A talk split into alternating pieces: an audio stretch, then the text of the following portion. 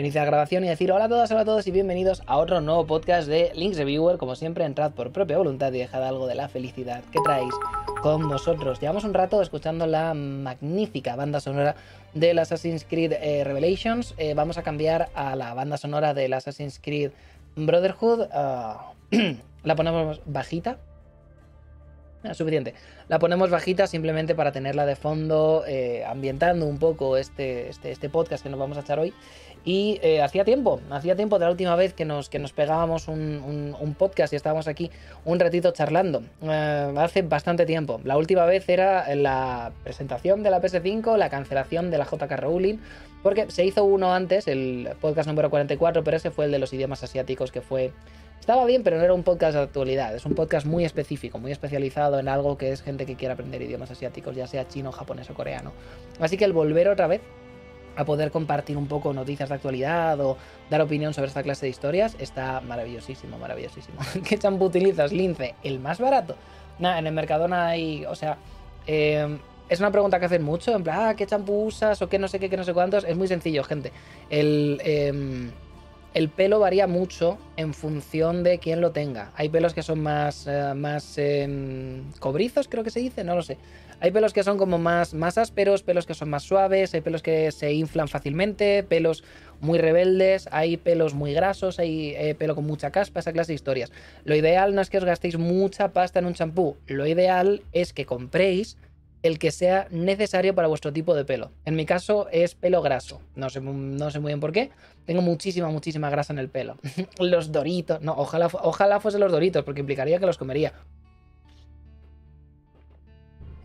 Pero no, no es, no es, em, no es, eh, no, no es por doritos. Simplemente tengo el pelo graso. Así que lo que hago es comprar el champú más barato, pero que esté especializado en mi tipo de pelo, que es el pelo graso, y por tanto pues queda guachi. Si en vuestro caso es... Em, eh, se os cae el pelo, pues el anticaída. Si vuestro caso es el... Em, el em, maltratado, pues el, maltratado. En tu caso, pues, puntas abiertas, el puntas abiertas. Si es el de caspa, el anticaspa. O sea, no os preocupéis. Vais a cualquier, cualquier supermercado y van a tener 80 tipos de, de, champús por un, pavo, un euro, un euro y pico directamente para tratar lo que, lo que necesite vuestro pelo. Así que eso es lo que mejor, lo que mejor te puedo decir. Tío, soy muy fan de tus reviews. El último ha sido muy top. Felicidades. Muchísimas gracias, Adam, por los 100 bititos y muchísimas gracias por el apoyo. Me encanta que te guste. Y ojalá antes de que acabe eh, diciembre seamos capaces de dar la reseña del Assassin's Creed 4. No lo sé. No sé si va a ocurrir. Porque antes de eso quiero hablar de persona y antes de eso quiero eh, hablar de puede que de papá puerco para hacer un especial de las navidades. Pero ya veremos. En caso de que hable de persona y de papá puerco, no va a haber vídeo porque voy a hablar de persona y de papá puerco. Pero en caso de que no, eh, habrá Assassin's Creed, eh, habrá Assassin's Creed 4. Si no, ya lo pasaremos a navidades. Pero bueno, los temas de hoy, gente, muchísimas gracias. Leeré esa suscripción en el momento en el que hable un poquito, porque si no, no empezamos el podcast nunca. los temas para hoy, aquí, había, aquí arriba hay un maravilloso subtítulo que debería haber cambiado, pero se me ha olvidado.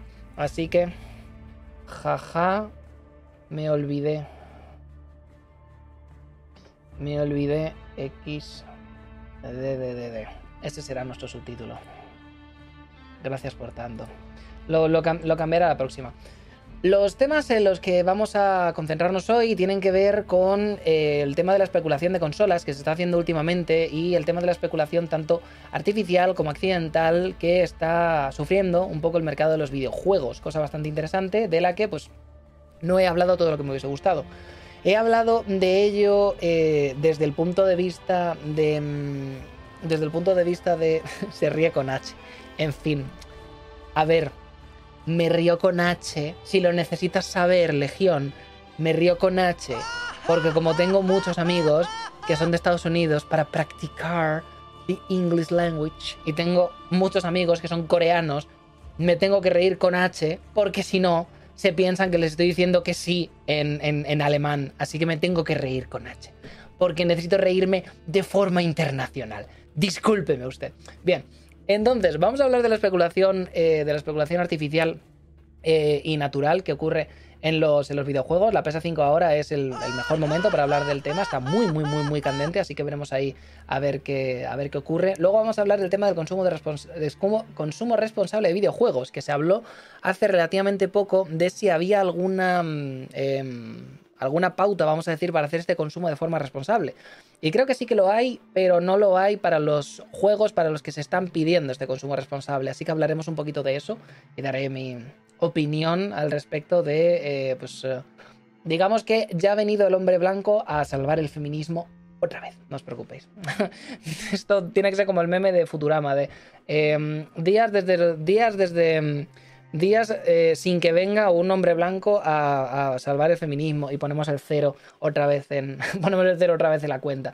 Y luego después vamos a hablar del fin del gameplay. El fin del gameplay tal y como lo conocemos. Últimamente ha habido mucha charla de si estamos llegando a un fin del gameplay como lo hemos estado disfrutando los últimos 10 años y hasta qué punto el tema del mercado de Twitch y las regulaciones de los mismos están haciendo que esto ya vaya a cambiar para siempre. Porque sí, puedes eh, subir cosas a YouTube y, cambiar un poquito la fórmula o caminar un poco entre esa línea entre una cosa y otra, pero ¿cuántas personas que se dedican ahora mismo a gameplay no están intentando hacer también gameplay en YouTube o gameplay en Twitch debido a que son plataformas mucho más lucrativas que directamente subir un vídeo y ya está? Muy pocos. Entonces, está cambiando el gameplay tal y como lo conocemos. De aquí a poquito tiempo va a cambiar estrepitosamente y no vamos a poder volver a, ver estas series maravillosas de todos los juegos que salen para decidir si lo queremos jugar nosotros mismos o no. No lo sé. Pero aquí no solamente vamos a hablar desde el punto de vista del streamer, como soy yo, pues hablando un poco de cómo se vive todo esto desde dentro, sino que también vamos a hablar desde el punto de vista de un streamer que trabaja, de hecho, alguno de vosotros me habrá visto, y de hecho, como estará en los tags de este mismo vídeo, igual alguno de vosotros lo ha visto, antes de entrar en este podcast. Estoy trabajando ahora mismo con eh, una plataforma que se llama G-Round, se llama G-Round, como podéis ver por aquí. Vamos a darle un poquito al play, no os preocupéis que no suena. Eh, un segundo, voy a ponerlo por aquí, un poquito más, un poquito más para adelante. Estoy trabajando ahora mismo con una plataforma maravillosísima. Eh, la plataforma G-Round, ellos eh, van, van, a patrocinar eh, unos cuantos vídeos en el canal. van a patrocinar dos, un, un, ensayo, un vídeo de rol y dos podcasts. Así que os hablo un poquito de ellos antes de empezar. Estos señores son una plataforma que se dedica a trabajar con juegos independientes. Estos juegos independientes necesitan un publisher, necesitan gente que les ayude a llegar al gran público, necesitan streamers que jueguen a sus juegos para decirle, mira, esto existe, está bastante watching. Y necesitan a veces un poquito de apoyo como puede ser la plataforma de Kickstarter que tenemos en este maravilloso juego de fondo.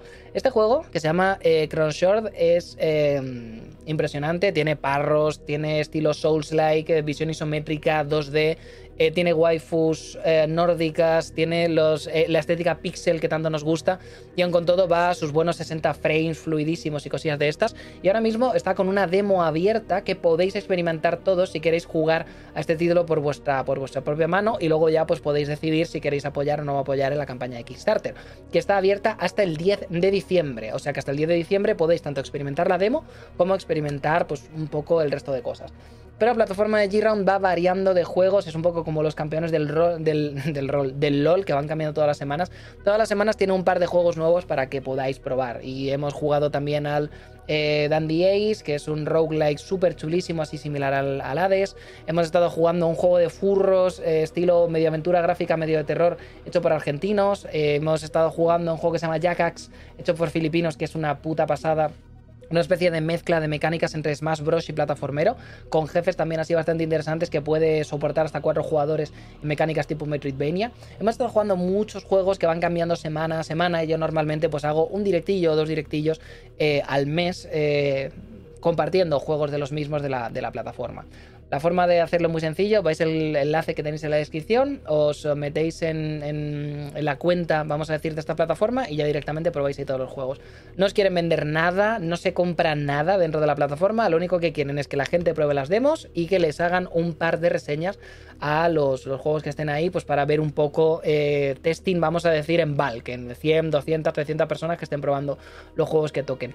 Lo que sí que hacen es regalar tremendísimos dineros. Así que ahora mismo hay abierto un sorteo de varias tarjetas de 50 dólares en Steam para aquellos que descarguen los juegos que hay y luego después vayan poniendo las reseñas. En caso de que queráis saber más, os dejo también un enlace a Discord y en el Discord vais a ver que hay un enlace activo de giveaways y dentro del enlace activo de giveaways vais a ver que de aquí al futuro, da igual cuando estéis viendo este podcast, de aquí al futuro siempre hay una giveaway activa en el que pues la gente que juega y que da tremendísimos, eh, tremendísimas reseñas se lleva luego después cositas chachis como pueda ser tarjetas de Amazon o tarjetas de Steam para gastarse en los juegos que ellos quieran, sean de la plataforma o no sean de la plataforma.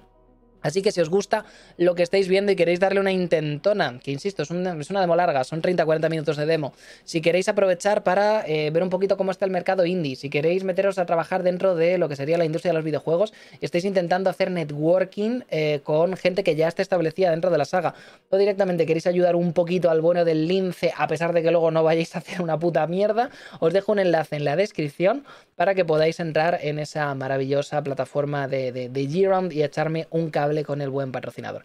En caso de que no queráis es ground.com barra singap barra ground barra baja links reviewer. Y dicho esto, eh, volveremos a hablar del, tema porque es eh, bastante, bastante interesante para el último punto del podcast. Vamos a empezar con el primero, que en este caso tenemos aquí una maravillosísima tal. Vamos a ponerlo en bucle porque supongo que estaremos un poquito más de tiempo hablando, de, hablando del tema de la especulación en videojuegos que 17 minutos, pero vamos a ponerlo de fondo para que nos acompañe mientras lo estamos hablando. Qué bonito, qué precioso es este juego que estamos viendo es una cosa increíble. Pero increíble. Los maravillosísimos developers que nos trajeron Shadow of the Colossus ahí en Super HD Bluepoint, los cabrones que hacen unos remakes que se te cae el culo, han decidido que van a um, hacer un remake del bueno de Demon Souls y vamos a encontrarnos un juego que es exactamente, exactamente igual que el juego original, simplemente con unos gráficos a, a topérrimos. Y Sony ha decidido que va a ponerlo de forma única en esta consola, no en PS4, simplemente aquí, para pues que sea un poco el vende consolas, para que podamos eh, comprar una PS5 y jugar a esto de salida. Podremos jugar también a muchísimos juegos de la PlayStation 4 si pagamos el, el PlayStation Plus. Podremos también Em, jugar a muchísimos juegos que tengan que ver con eh, la nueva generación una vez llevamos un año, un año y pico de desarrollo. Y además de esto, pues eh, podremos em, jugar a muchísimos juegos en PS4 y en PS5 de forma simultánea en función de la plataforma para la que queramos comprar. Porque como siempre, pues saldrán estos juegos nuevos y podrás comprarlo en una o en la otra durante un tiempo hasta que se concentren al 100% en la PS5. Pero a pesar de que este juego probablemente lo podría correr una PS4 con peores gráficos, pero podría correrlo una PS4, hemos decidido que no, que solamente va a estar para PS5. La PS5 es una puñetera maravilla técnica, no solamente es la primera consola que viene ya de, de base, vamos a decir, con el SSD en, una, en los vídeos de Ubit, que creo que sabéis que hago vídeos en VAT porque soy muy pesado con ello. Tenéis siempre un enlace en la descripción con mi página de VAT para que podáis ver todos los, todos los vídeos de por ahí.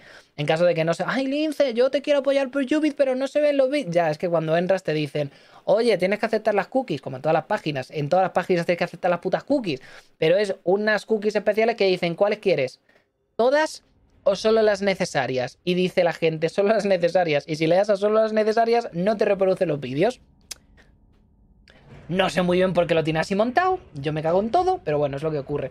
Entonces, eh, ya hablamos un poquito de Demon Souls, ya hablamos un poquito de la saga Souls, hemos hablado mucho de Resident Evil, hemos hablado muchísimo de Assassin's Creed y hemos hablado mucho de cosillas de estas en el canal de Yubi. Tengo ahí como 40 o 50 vídeos, así que si queréis verlos, son muy sencillitos de consumir.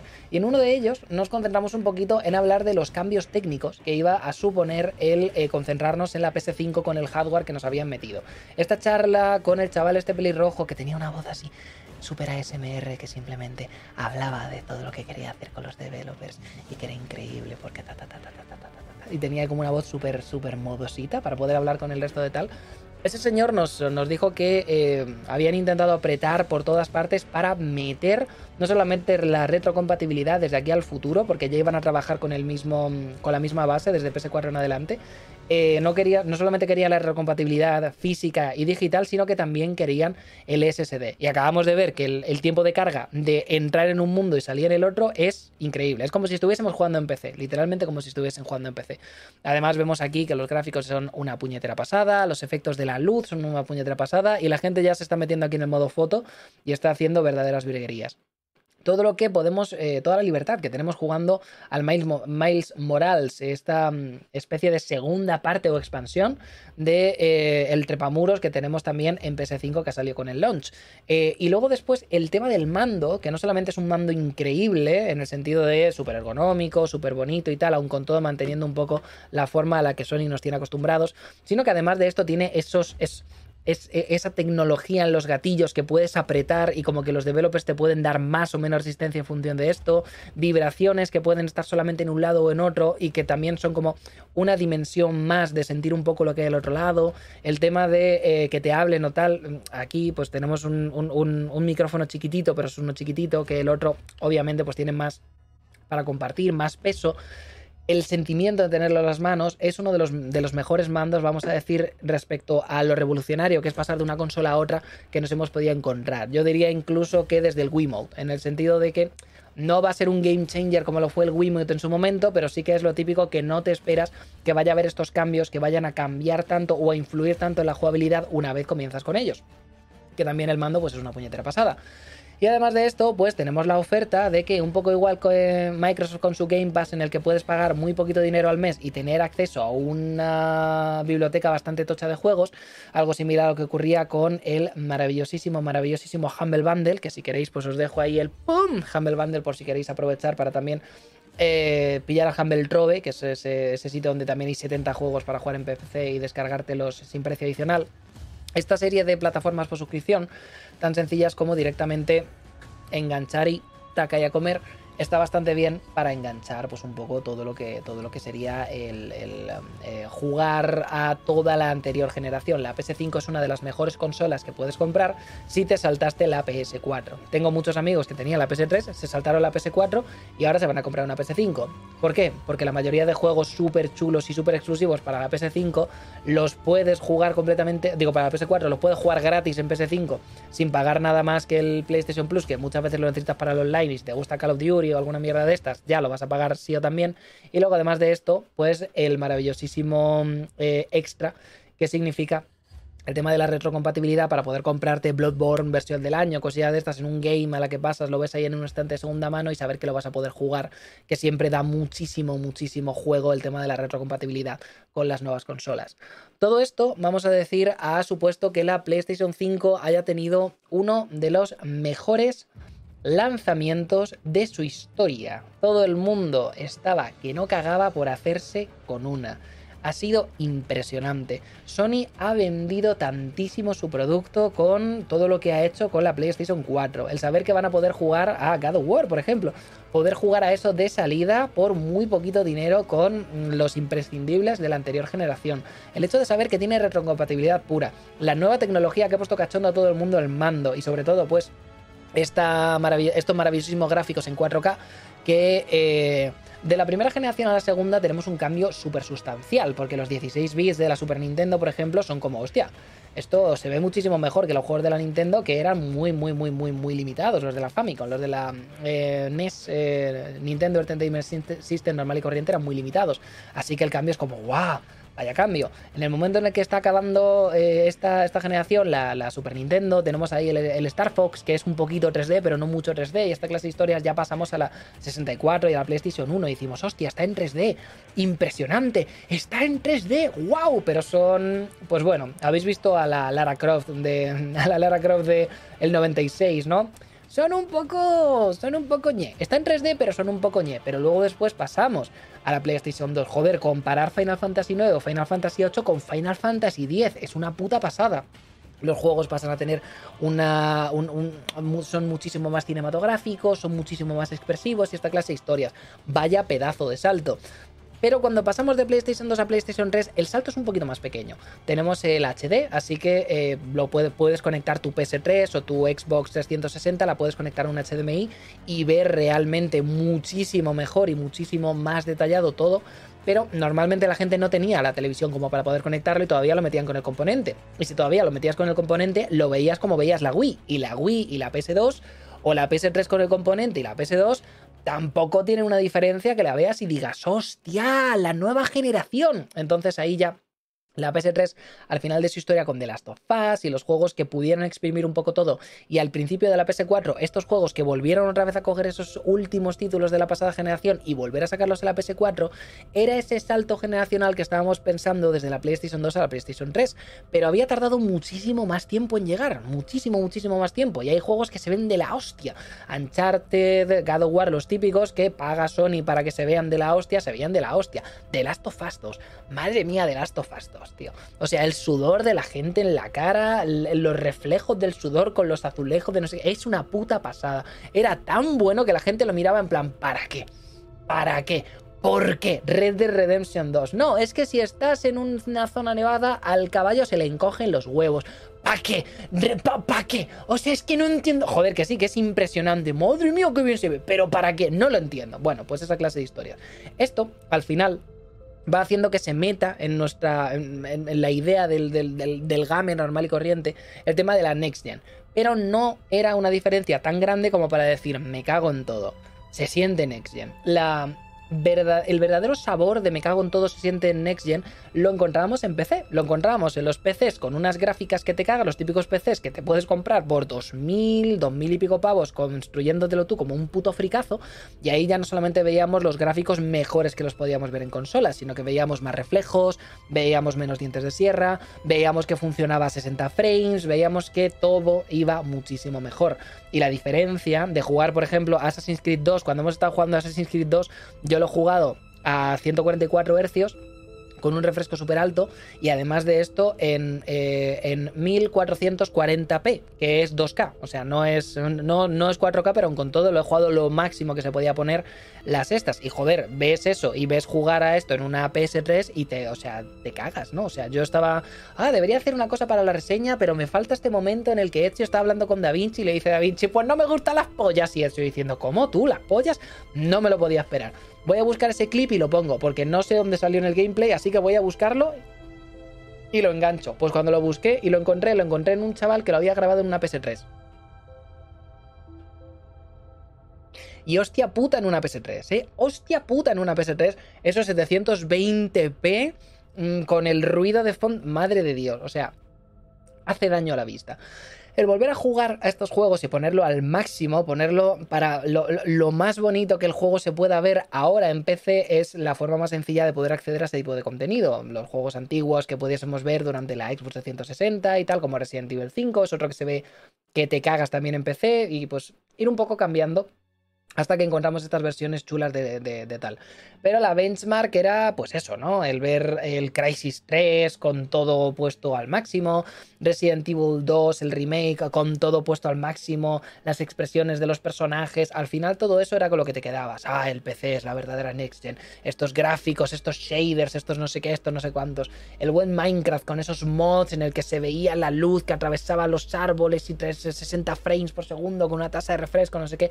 Ahí es donde uno empezaba a sentir un poco la verdadera Next Gen. No era tanto el tema de los gráficos o el tema de la cantidad de píxeles que tenía la cara de una persona, sino que era más el cómo interactuaba con el entorno, cómo se le movía, lo realista que eran las animaciones, cómo se reflejaba o se dejaba de reflejar en diferentes superficies, el tema de la fluidez con la que veíamos el juego, cosas que ahora, como podemos ver en este Demon Souls, parece que están bastante más trabajadas. También es cierto que aquí no tenemos que trabajar con tema de cara, a no ser que estemos hablando de los NPCs, porque siempre vas con esa, siempre vas con esa maravillosa maravilloso conjunto de... ¿Qué ganas tengo de jugar este juego? Maravilloso conjunto de armadura que nos lo pone bastante más fácil a la hora de que la gente hable.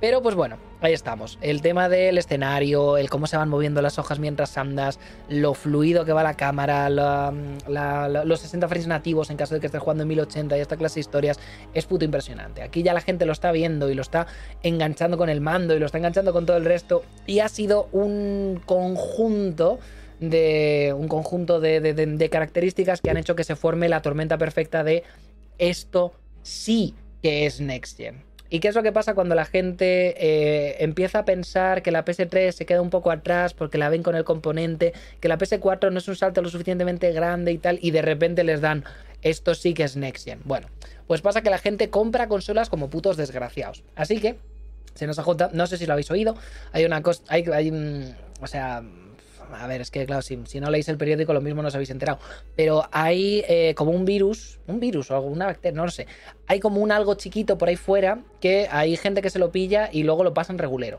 Eh, debido a esto, eh, pues se han tomado muchas acciones a lo largo y ancho de lo que es el mundo para pues mm, ver un poco cómo podemos lidiar con esta mierda. Y pues la forma en la que nos ha cambiado la vida varía mucho. A mí, por ejemplo, como streamer me la ha cambiado poco, pero lo mismo este año no puedo ir a ver a mi familia, ni siquiera a mis padres, y me tengo que quedar aquí dando las campanadas yo en, aquí en mi puta casa, porque lo que es ver a mis padres no, creo que les vea, porque las reuniones están a seis personas máximo y mis padres tienen, tienen a seis personas ya en su casa, más los perros, así que probablemente nos comamos una mierda. Y pues bueno, pues o sea, yo lo más que ha cambiado en mi vida es que no puedo salir de casa y por tanto estoy bastante peor anímicamente. Eh, no anímicamente respecto a, mm, que el cuerpo haga lo que tenga que hacer, sino respecto a que no tengo ánimos para cosas porque necesito ver a los panas, necesito reírme de nuestras mierdas, necesito... En Twitter hace poco compartí cuatro, compartí una imagen maravillosísima que decía los hombres tienen cuatro estados. Los hombres solamente lo abriría, pero cuando abro Twitter normalmente aparece porno y me banean de Twitch, así que os tendrá que servir mi descripción. Los hombres solamente tienen cuatro modos. El primero es actuar gangsta y sale ahí un señor así con su traje, rollo preparado. El segundo es eh, hacer el gilipollas con los boys. Y esto es, pues eso, ¿no? Pues quedar con tus amigos y. o sea, hacer el imbécil con tus amigos, que pues es nuestro, nuestro mood principal. El tercero es simpear y sale directamente, pues, el, el, caballero eh, con Dark Souls, con la, señora ciega esta, que es medio araña, que está tal, ahí poniéndose rodillas, porque, pues bueno, un poco Sims sí que somos, ¿qué le vamos a hacer?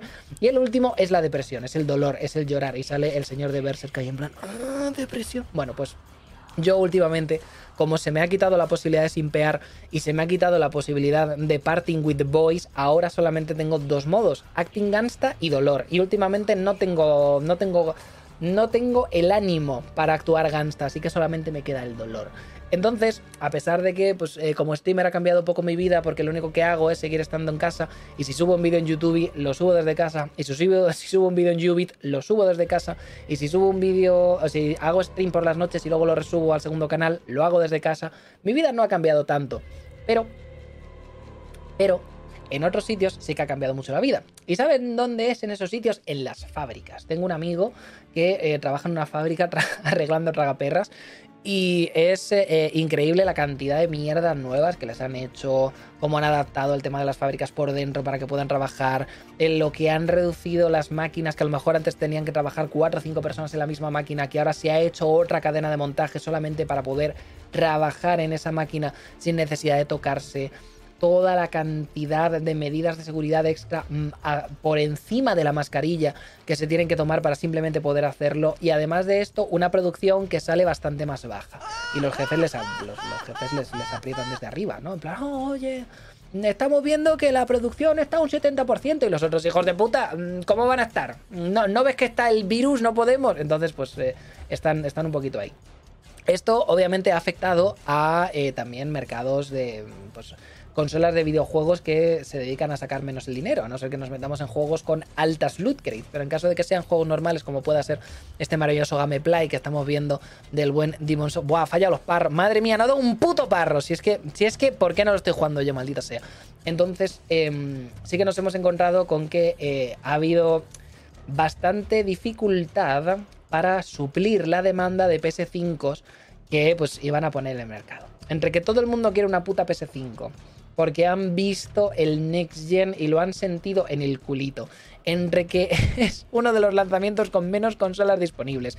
Y entre que luego después han venido los hijos de la grandísima puta mm, con sus bots rusos comprando toda la preventa de consolas, comprando todas las consolas cada vez que salen o cada vez que recargan en una página o en otra, o luego después directamente en Chile asaltando un camión y robándose todas las PS5 que había en el puñetero camión, esto ha hecho que sea bastante más complicado por causas externas el hacerse con una puñetera PS5. A ver, realmente hacerse con una PS5 es muy fácil. Te metes en Wallapop y vas a ver que hay una tremenda especulación en el sentido de eh, puedes comprarme una PS5 por 1200 eh, euros y yo te la dejo nueva, precintada en tu casa. Es una hijo de puta. Lo que tenías que haber hecho es no haberte comprado tres, no haberte comprado una para ti, otra para ti y otra para ti luego después haberlas vendido por cinco veces su, su precio. E hijo de puta, pero pues la gente, en fin. La gente, mm, en fin. Entonces, esto es un. es un. es un problema. Es. Eh, una falta de mercado que mm, de forma completamente accidental ha hecho que comience un mercado especulativo en el que la gente se está intentando lucrar con las consolas que obviamente los pringaos como yo deseamos pero no hemos podido comprar. He estado en el momento en el que la PS5 salía, salía para todo el mundo. He estado tristemente, tristemente dándole al F5 en seis páginas distintas para intentar hacerme con una puñetera consola. Sabía las horas en las que esas consolas iban a aparecer, porque aquí mi pana, el moderador Shiva, lo sabe todo y me manda ahí en plan, Lince, en FNAC, mañana a las once y media. Y yo, ¡buah! Y me ponía una alarma en el móvil preparado para estar ahí dándole al F5. Y un minuto antes de que llegase la hora, las páginas se caían. Literalmente las páginas se caían. Había tanta gente dándole al F5 que no podían soportar el tráfico y al final terminaban vendiendo las consolas a la que sea. Las eh, páginas intentaron ahí poner lo de solamente una, solamente una preventa por cuenta y mierdas de estas, pero da bastante igual. Al final llegan los bots y consiguen hacer hacerse con las consolas. Y esto, claro, nosotros hemos ido a hablar con Sony como diciendo, oye Sony, ¿qué mierda pasa? Mm, no sé si entiendes que quiero darte dinero. Y Sony en plan, ya, bueno, es que no sé qué, es que, pues bueno, las fábricas, es que... Conclusión hasta agosto, digo hasta agosto, joder, hasta agosto, madre mía, espero que no. Hasta abril del año que viene se dice que va a ser bastante complicado que veamos PS5 en las estanterías de una tienda. Esto quiere decir que van a seguir saliendo más, más, ah, van a seguir saliendo más PS5 en Navidad, en, en febrero, o sea, van a ir saliendo más tandas, pero el punto, de el, punto de cubrir la demanda, de lo que sería el tener excedentes y ya que la gente lo vaya comprando y vaya cumpliendo su ciclo a medida que vayamos, avanzando, dicen que mínimo hasta abril probablemente no se llega a cumplir. No son cifras oficiales de Sony, pero son las cifras que nos dijo el señor con la voz ASMR que hablaba a los developers diciendo lo que habían metido y lo que no habían metido en la consola. Así que pues nos podemos imaginar un poco que ese señor sabrá una o dos cosas antes de, antes de hablar y decir si se va a suplir de demanda o no se va a suplir demanda. Yo estoy bastante triste por el hecho de no haber podido coger una PS5 y haber estado jugando al Demon Souls desde el momento en el que esto salió al mercado. Bastante triste, pero no pude. No había posibilidad de preventa, no había posibilidad de reserva y no había posibilidad de comprarla una vez salió la PS5 al mercado. Así que me he comido una tremenda verga, un eh, garrón de la gran flauta y no podido hacerla. Además, encima yo quiero la digital porque ya es lo suficientemente grande la puta consola como para no pillar la digital. Y no, no, soy capaz de. No soy capaz de encontrar la digital. Porque de la digital hay menos unidades que de la otra. Porque la gente pues todavía está muy metida con el físico y quiere sus físicos. A pesar de que, pues, bueno. Yo ya sabéis que los físicos soy poco amigo y todos los juegos que tengo de PS4 los tengo digitales, o sea que ya directamente me gustaría, me gustaría digital y es más complicado todavía pillarla. Además, no puedo pillarla en cualquier sitio porque necesito que me hagan una factura, porque si no hago una factura me cuesta un cuarto más de lo que sería, porque yo me, desgrabo el IVA, que en Españita es súper alto, es un 21%. Entonces, pues coño, si te compras un mando, te compras una consola, te compras un juego y te desgrabas el 21%, esos son 120 euros. ¿Tú te piensas que a mí me sobran 120 euros? No. Entonces está bien lo del tema de desgrabarse con los autónomos. Y bueno, pues al final es un poquito... Al final es un poquito... Es un poquito lo que hay. El tema, del, el tema de encontrarnos en los videojuegos con esta vamos a decir, de especulaciones, es algo que tristemente está siendo cada vez más familiar y tristemente ha sido más y más y más familiar a medida que hemos terminado la generación pasada. No nos ha pasado tanto con la Switch o con la Wii U, estos, estas consolas de Nintendo, pero Nintendo sí que es una puñetera experta en el tema de la especulación.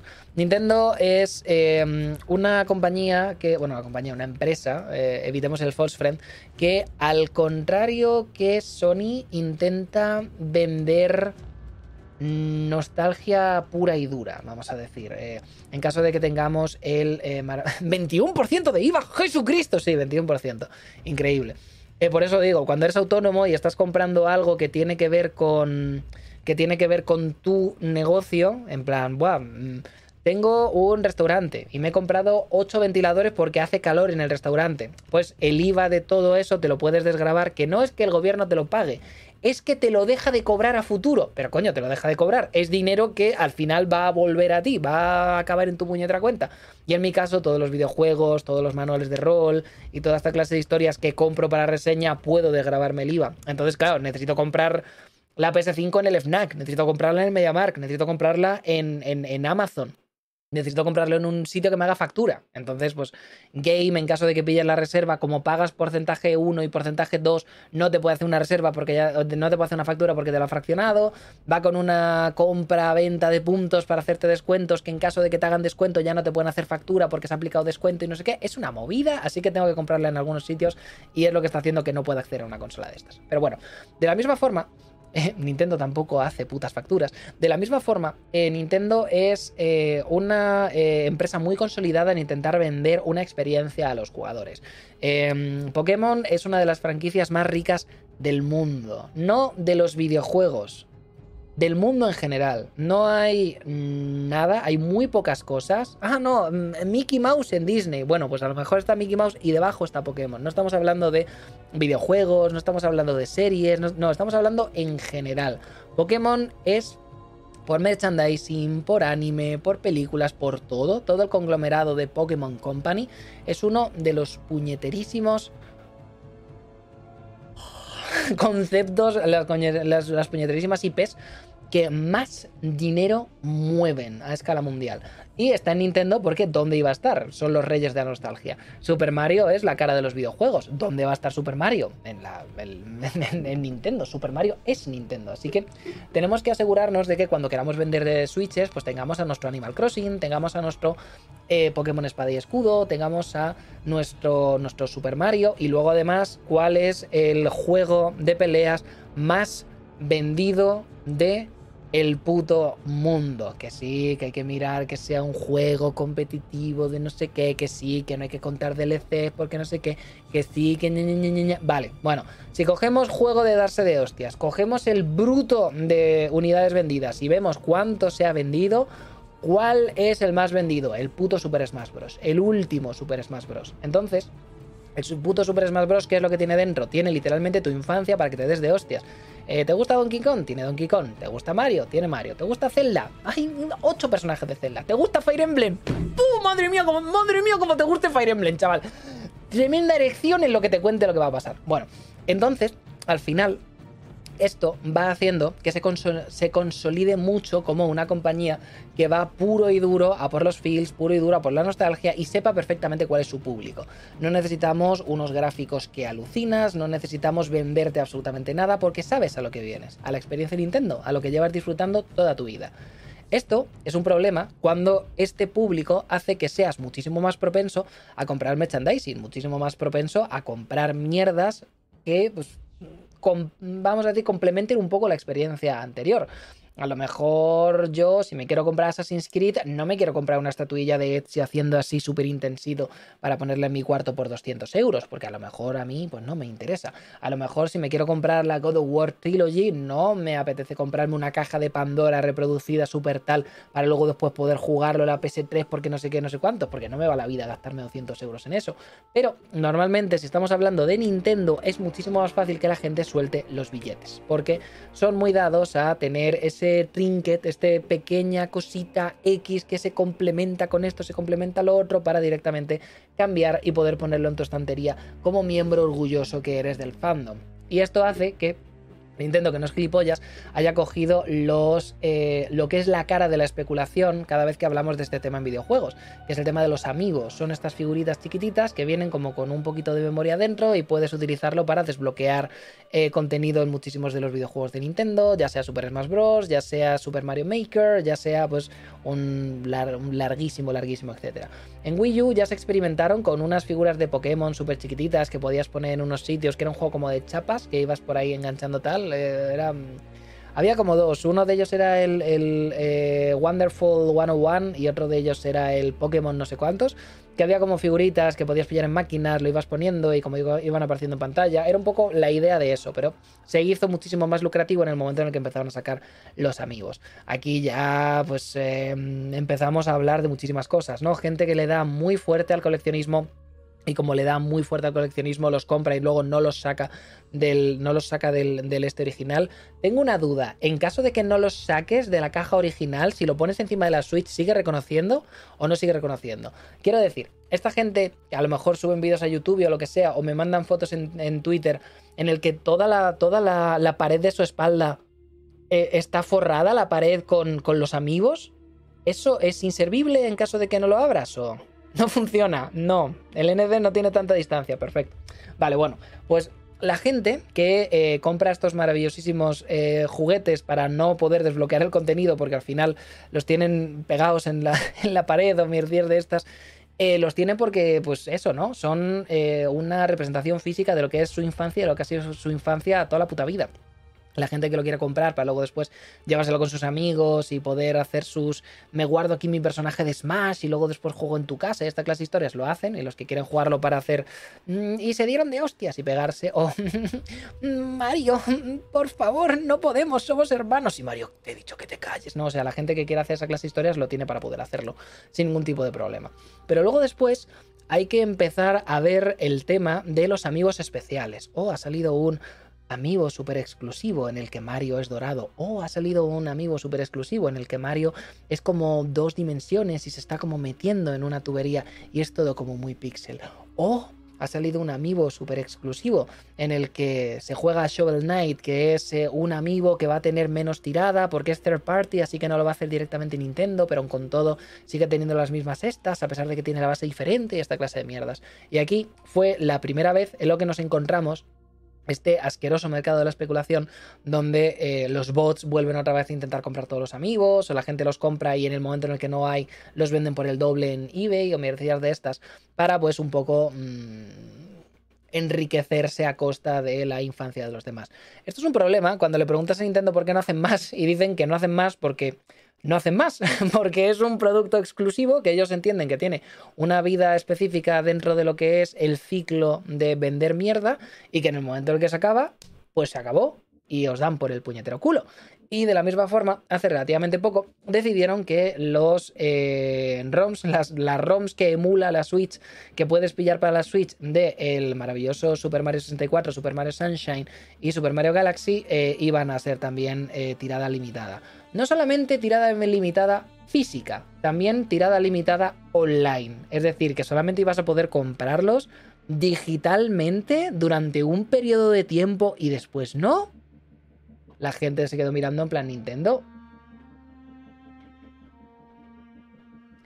¿De qué vas? No, no, no, no. Hasta, hasta marzo del, del año que viene. Y ya no se puede.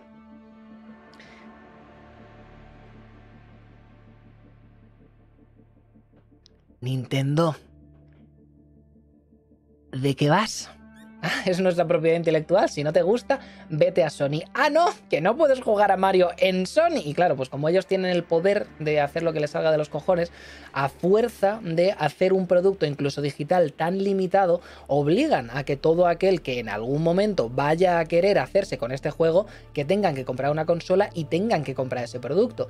Todo aquel que vaya a querer complementar su colección con mercedes de estas, vaya a tener que estar muy atento a pillarlo, porque no va a haber más y más y más y más y más producto, a pesar de que la gente quiera o necesite ese producto. Porque llamemos a los amigos lo que son, son DLCs físicos. Mucha gente, algunos de ellos mis amigos, mm, me jode decirlo, pero algunos de ellos mis amigos, están súper en contra del contenido descargable, diciendo que debería de venir con el juego o ser tan sumamente grande que contase como una expansión como en los antiguos tiempos, merecidas de estas, pero luego después se compran ocho amigos como diciendo, puede que sea, puede que este amigo, puede que esté pagando mucho por un traje. Puede que esté pagando mucho dinero por un traje, pero es que es físico, es que lo tengo en la mano y lo puedo poner en mi estantería y es una de Excusa de mierda. No, no, no, no, no lo entiendes. Yo pagaría exactamente lo mismo por una figurita y pagaría el mismo precio. Realmente todo el contenido que viene dentro de la figurita es un extra. Yo estoy pagando la figurita. Todo lo que viene dentro es, ah, es, eso es a más a más. Así que no encuentro... Mm, excusa de mierda. Pero bueno, esta, este tipo de contenido vamos a decir se da. Y además de esto, hay una tercera cara de la especulación, que son las maravillosas consolas mini. Eh, Nintendo, quien si no, dijo que iba a sacar una consola chiquita con un poco las ROMs de lo que son sus juegos más, más famosos de cada, de cada consola. Eh, se acabaron, obviamente se acabaron en el momento en el que dijeron vamos a sacar esto, se agotaron. Luego después eh, PlayStation dijo, ah, pues nosotros vamos a sacar también una PlayStation Mini y luego después ya todo el mundo se subió al carro. Amiga Mini, Commodore Mini, luego ya ahí todo el mundo intentó sacar sus versiones mini de las, de las, de las em, consolas de una generación, vamos a decir. Porque funcionan muy bien, funcionan muy bien. Tiene un poco todo lo que necesitas, todo el starter kit de lo que la gente quiere o deja de querer dentro de esos juegos. Lo puedes conectar por HDMI a cualquier televisión, que es uno de los problemas más tochos. Y los mandos son súper, súper, súper maravillosísimos porque tienen ese feel de consola antigua, pero son chiquitos, así que los puertos no hacen que un puerto así de tocho de un mando de la PlayStation 1, por ejemplo, con la memory card, hagan que la consola tenga que ser igual de grande. Así que pueden darte una consola así de chiquita y ya directamente tenerlo todo ahí metido. Como producto nostálgico está muy, muy, muy, muy bien, pero de nuevo son de tirada limitada y de nuevo en el momento en el que se acaben, se acabaron. Aquí estamos viendo como un mercado que hasta hace poco podíamos entender que no existía una especulación, porque siempre había consolas para poder comprar lo que necesitases, siempre tenías la posibilidad, en caso de que quisieses, de acceder a los videojuegos, igual no en formato físico, pero sí en formato digital, porque siempre tienes el formato digital, da igual que yo vaya al game y no quede Bloodborne edición del año, da igual que yo vaya a... Mm, el Carrefour y no haya podido reservar la edición que tiene todos los DLCs, porque siempre me voy a poder meter en la tienda de Sony y siempre voy a poder comprarlo. Lo único que me voy a encontrar es cuando dejen de funcionar esos servidores y cuando dejen de funcionar esos servidores no puedo hacer compras o ventas dentro de una plataforma específica. Aun con todo, siempre suele haber formas de acceder a ese producto. Yo ahora mismo no puedo comprar el Persona 2 para poder jugarlo en una consola PlayStation 1 o PlayStation 2 emulando PlayStation 1. Pero si me cojo la PS3 o me cojo la PS Vita, siempre puedo meterme en la Store y en la Store, dentro de PSP, hay una forma de emular dentro de la PSP que emula la PS Vita una PS1 y poder comprar el la saga Spyro original, o poder comprar Persona 1 y 2, o poder comprar Persona 3, la versión para la PSP en esa plataforma digital y jugarlo desde una PlayStation Vita o jugarlo desde una PlayStation TV, esta clase de mierdas. Entonces al final siempre tienes como la posibilidad de hacer malabares para poder conseguir estas cosas. A no ser que juegues en PC. Si juegas en PC, te metes en Google Games y eso ya es. O sea, Google Games, entre que tiene todos los juegos, entre que todos los juegos están emulados para que se vean lo mejor que se puedan ver y se puedan capturar de puñetera, pero súper bien y entre que mm, tienen, tienen unos precios de locos porque siempre están con descuentos del 70% de todo, Google Games le falta bajarte la bragueta y empezar a darte besitos en la polla. Es una cosa impresionante. Pero la cosilla de esta es que eh, para los que hemos estado acostumbrados a tirar más del digital en PS3, en PS4 y ahora en PS5 o el equivalente de la consola de la generación que hayas querido tú pillar.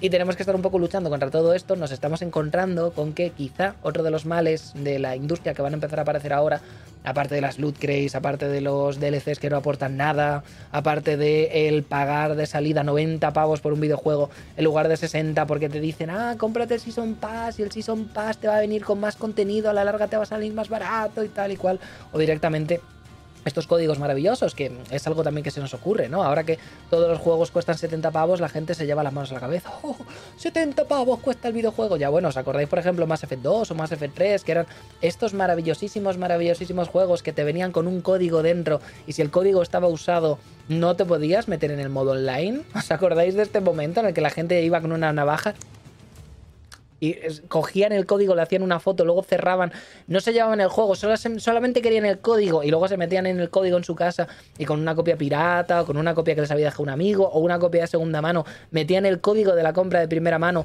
y luego después se enganchaban. Cuando llamabas en plan, hola, que tengo aquí un código y me dice que ya está usado. Ah, pues pagas 10, pagas 10 euros y 10 euros más para poder jugar al online de un juego que viene incluido ahí, que no es un DLC, es simplemente poder jugar al modo online de tu juego. Y ahora pues necesitas pagar 10 euros más porque alguien te manga el código, ¿no? Esto también se ha visto, vamos a decir, en muchísimo, muchísimo, muchísimo eh, tiempo durante la, durante la generación de la PS3 y la Xbox 360 porque estaban intentando el asegurarse de eh, que el modo online sirviese para ganar un poquito más de dinero y con ello vender los DLCs en la cuarta generación hemos cambiado un poco más al videojuego como servicio y por eso pues tenemos los maravillosísimos planes en el que pagas 40, 50 pavos al año y te regalan muchísimos juegos para directamente descargar y jugar.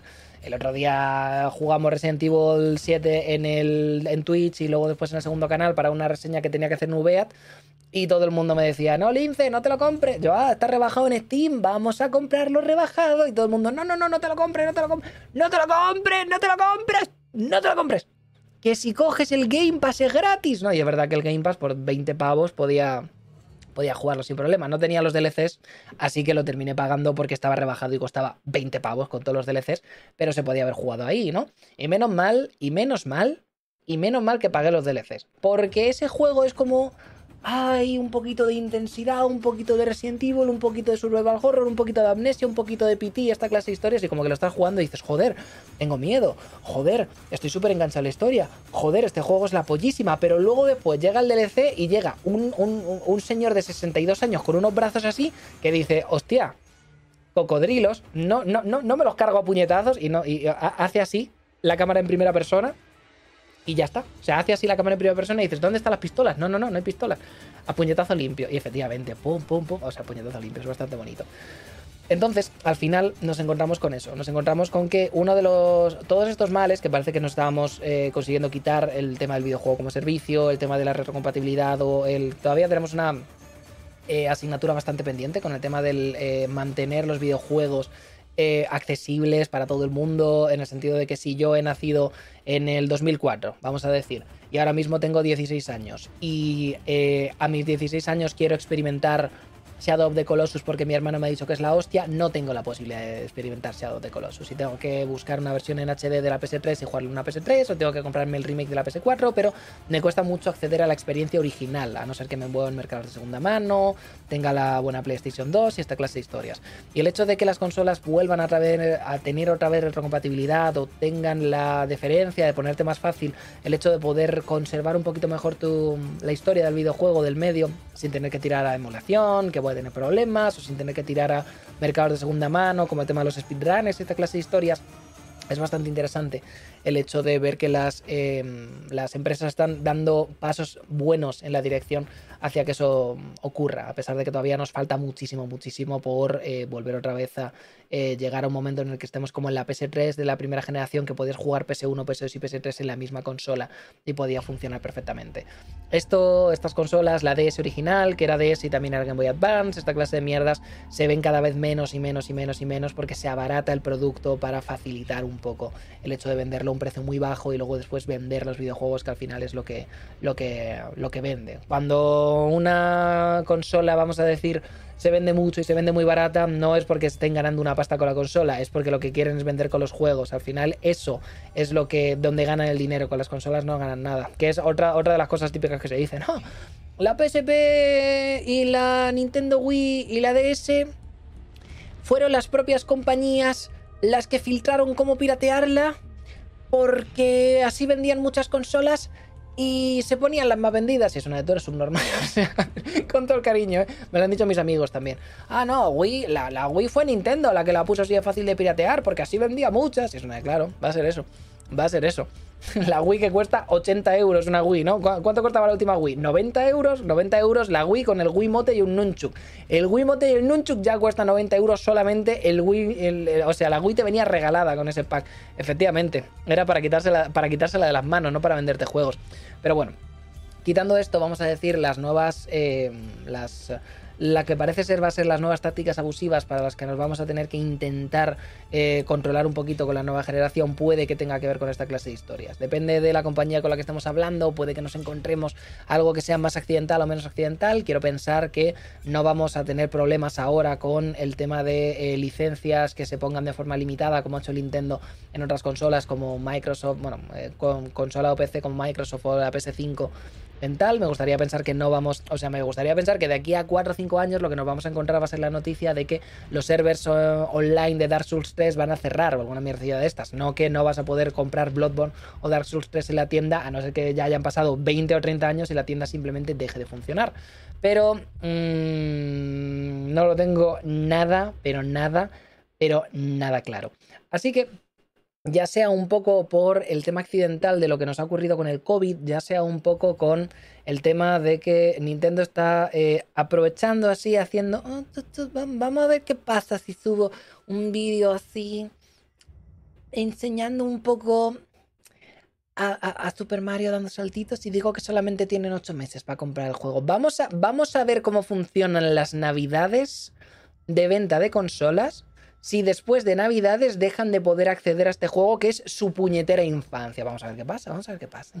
vamos a ver qué pasa. Family friendly. No, sí, Nintendo son la, empresa más family friendly, pero luego es una puta mafia de puertas para adentro. Es súper, súper curioso. Pero bueno, esa clase de mierdas.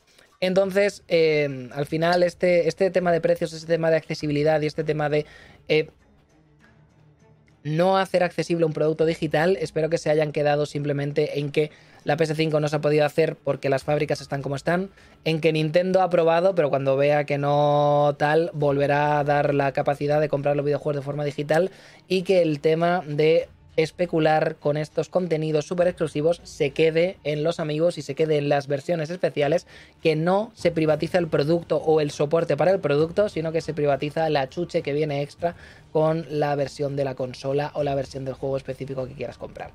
Cruzamos los dedos fuertemente, dejamos aquí el registro para el que acceda a este podcast un par de años después con algo de suerte, con la capacidad de salir de su casa y vivir su vida con una vacuna ya metida en el cuerpo o con todas las personas que están dentro de ese estado, de ese estado chungo, vamos a decir, con la vacuna puesta.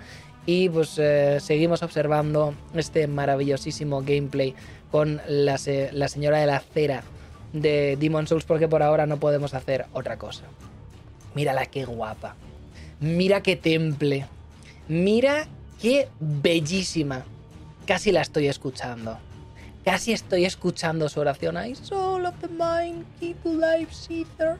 Soul of the lost, withdraw from its vessel. Let strength be grounded so the world might be mended. So the world might be mended. Casi la escucho. Casi la escucho. Anda sin calzado, madre mía. Madre mía, ya vinieron los de los pieses, maldita sea. En fin. Nuestro segundo tema de hoy eh, tiene que ver también con eh, una cosa maravillosísima. Buah, mira, he cogido, he cogido el mejor vídeo para ejemplificar lo que vamos a hablar.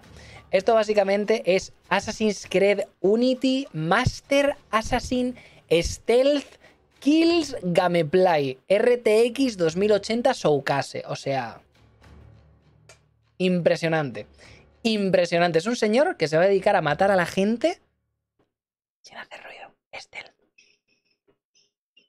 Sin que nadie lo sepa. Sin que nadie lo sepa. Es bastante bonito porque, pues, para los que están siguiendo las, las aventuras, vamos a decir, del lince em, jugando al Assassin's, saben perfectamente que el lince está ahora mismo empezando el, el Syndicate.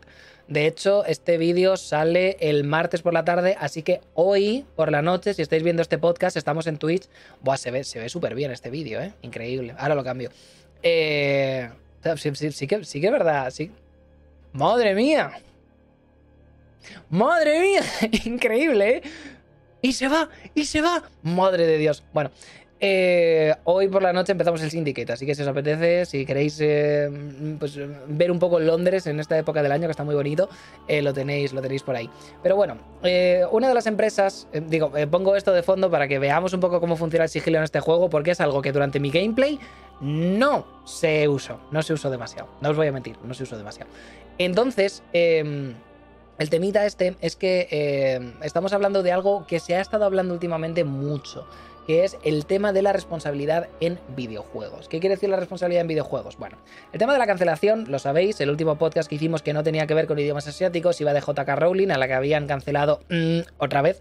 Aquí alguien dirá, mmm, Lince, mm, no se puede cancelar otra vez porque el acto de cancelar a una persona es quitarla del ojo de la vía pública para que no pueda seguir propagando su dañino mensaje y en el momento en el que alguien vuelve ya no se ejerció una cancelación porque si volvió significa que no hubo cancelación, así que no te pueden cancelar dos veces, vamos, así lo que quieras te puedes meter un puño te puedes meter un puño por el culo. La, la, cosa es muy clara. Si alguien le. Si hacemos un frenzy mediático en el que alguien deja de ser capaz de trabajar, le echan de su trabajo o directamente deja de ser capaz de producir el contenido que produce, porque todo el mundo dice que es un tremendo hijo de puta, justificado o no justificado, se considera una cancelación. Que luego después haya gente que se lo pase por el forro de los cojones y siga haciendo su contenido normal y corriente, pues sí, pues hay veces que pasa. Pasa con youtubers, pasa con streamers, pasa con gente a la cabeza de proyectos muy tochos, pasa con todo. Y la Rowling, pues bueno, se le ha sudado bastante. Y luego después ha dicho... Mmm, y si escribo un tremendo texto transfobo, Rowling, cállate ya, guapa. Mm, y si convierto a el villano de mi próxima novela en em, un hombre que se disfraza de mujer para matar en los baños. esto es cierto, ¿eh? No. Joder, Lince, no te, no te inventes mierda. No, esto es cierto. O sea. Mm, decidió que su paja mental de lo de no sentirse segura en los baños por tal o cual lo iba a convertir en un plot point de su, en su próxima novela y se sintió súper inteligente ella mientras lo hacía.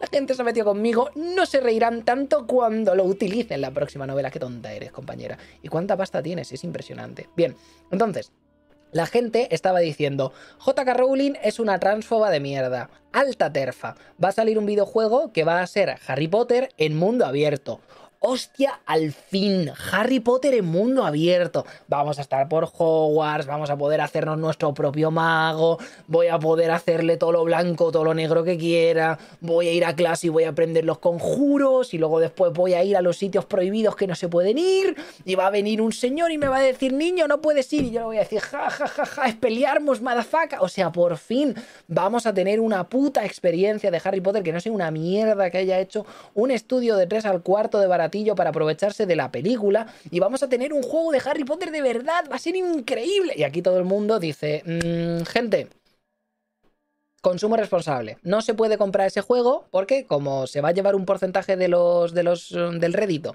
eh, JK Rowling, que no está participando en el juego específicamente, pero se va a llevar un poquito de dinero debido a que es su propiedad intelectual y se lleva algo de toda su propiedad intelectual, Consumo responsable. No compréis ese juego, porque si compréis ese juego, le estáis apoyando. Y si lo apoyáis, sigue siendo una terfa de mierda. Así que consumo responsable. Además de esto, Assassin's Creed. Assassin's Creed ha salido el, Assassin's Creed nuevo y madre mía, la, madre mía, el Valhalla, mira ahí la tremenda waifu. Por ahí por los fiordos, mira qué brazacos tiene. Ha cogido un gato y es un gato muy grande y está muy chonca y es bonito. Oh, mira, se ha subido en un lobo gigante y es una montura. Madre mía, me quiero matar, es el mejor juego de la historia. Mm, ha habido uno de los jefazos de Valhalla que mm, nadie podía esperárselo, eh, ha acosado sexualmente, así que no se puede, no se puede. Consumo responsable. No se puede comprar Assassin's Creed Valhalla. Consumo responsable. Además de esto, Ubisoft ha tenido un, un caso Watergate bastante interesante, le han hecho como un Watergate, diciendo un poco que pues había unos techos de cristal dentro de la empresa impresionantes, que si eras mujer valías mierda, que muchas veces se ocultaban dentro de, por política de la empresa y cosillas de estas, a cambio de dinero y mierdas de estas, se ocultaban casos de, acoso sexual y en el momento en el que salió uno, salió otro, salió otro, salió otro, efectos llamadas, salieron muchos y dijeron, Ubisoft, di algo porque estamos esperando una disculpa. Ubisoft tenía un eh, Ubisoft Display en el que iba a decir, Buah, somos la hostia, tenemos muchísimos juegos. ¿Te gustó Breaking Bad? ¿Te gustó el Mandaloriano? Pues hemos contratado al italiano para que venga y sea también el malo de nuestro nuevo juego. Porque todo el mundo se piensa que es hispano, pero en realidad es italiano, que se llama Giuseppe. Bueno, pues estamos ahí preparados, madre mía, qué bien nos lo vamos a pasar, va a ser increíble. Mm, por cierto, luego después voy a poner un tweet que diga, oye, lo del acoso sexual mal y nos arrepentimos mucho. Y la gente, oye, Ubisoft, ¿por qué no lo has puesto en tu Ubisoft Display? No, es que el Ubisoft Display es muy importante para que los accionistas vean que estamos haciendo las cosas. Y si empezamos el Ubisoft Display diciendo, hola, em, mm, somos unos acosadores, lo sentimos mucho, y luego después ponemos el Watch Dogs Legion, el Watch Dogs Legion va a valer un poco cuatro vergas, porque como hemos empezado diciendo, joder, madre mía, qué tremendísimo, tremendísimo acoso sexual que vivimos en todos los puñeteros eh, headquarters de Ubisoft, da igual el país que sea, no va a vender igual. Así que nos hemos callado un poco la boca. ¿Qué le vamos a hacer? Y la gente dice, vamos a dejar de jugar y promocionar juegos de Ubisoft, especialmente el Valhalla, consumo responsable. Es de lo que más se ha estado hablando durante todos los anuncios de esta clase de historias cada vez que alguien veía o hacía cualquier cosilla de estas. Mojang es un nazi, prohibido el Minecraft, consumo responsable. ¿Qué significa consumo responsable? Consumo responsable significa que si sabes que una empresa es dañina o un producto de eso de esa empresa o de esa industria es dañino o se ha producido por métodos dañinos, el em, apartarte de lo que sería el consumo, la comunidad y sobre todo todo lo que sea dar detalles de que puedan hacer más, más servir para una plataforma o ser más visual el producto que estás intentando opacar y aprovechar pues para... Em, aprovechar para, para correr un tupido velo y que no se sepa más. Y es de lo que más he estado hablando. Ahora, pues la gente, no solamente en Kotaku, sino un poco también en todas las comunidades, estaban preguntándose si de verdad era posible hacer un consumo responsable dentro de los videojuegos. Los matemáticos, los señores que saben de marketing y de las matemáticas han hablado y han llegado a una conclusión bastante interesante, que es que no, no se puede hacer un consumo responsable. Tú, si quieres lavarte las manos, puedes lavarte las manos, puedes no consumir, puedes no dar retweet, puedes no dar cariño, puedes hacer absolutamente todo lo que quieras para intentar apartarte un poco del producto que vaya a salir.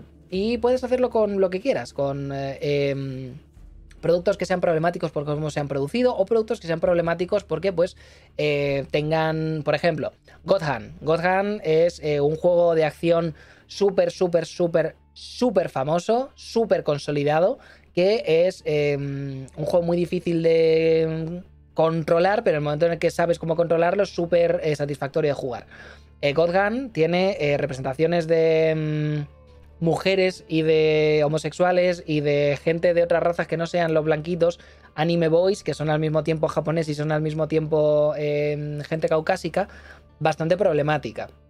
De la misma forma, luego después sale nuestro queridísimo Suda51, Suda51, haciendo el, pues em, esa saga que todos queremos y que todos tenemos tantas ganas de que nos dé en la boca, que es eh, pues el bueno de Travis, ¿no? El bueno de Travis que vuelve otra vez a salir en No More Heroes, eh, primera, segunda parte, que están los remakes ya hechos, y la tercera parte, y luego después este que parece como para móviles, pero no es para móviles, pues bueno, va saliendo por ahí. También tenemos a un señor, Weabo, que le gusta mucho el Opay y que está ahí haciendo sus mierdas. Y luego después las señoras jefes que se supone que son súper mega poderosas de tal, pues Em, se visten como actrices porno y los finishers y esta clase de historias tienen un fanservice que, que, flipas. Entonces al final si crees que estos productos son problemáticos, es muy sencillo. Lo único que tienes que hacer es no consumirlos y ya está.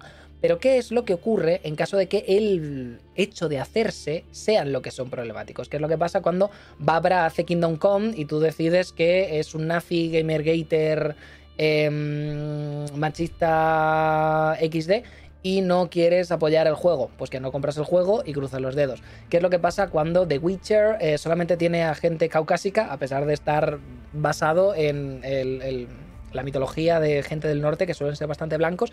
Eh, y decides que eso está muy mal y que como no hay integración de tal, no quieres, pues no lo compras y ya está. ¿Qué es lo que pasa cuando Assassin's Creed eh, viene de una compañía cobarde a la hora de dar sus disculpas, que tarda y las da en el último momento? Y además de esto, hay incluso el mismo problema por el que nos estamos quejando dentro del desarrollo de ese juego específico, de la última parte del Valhalla. No lo compras y ya está.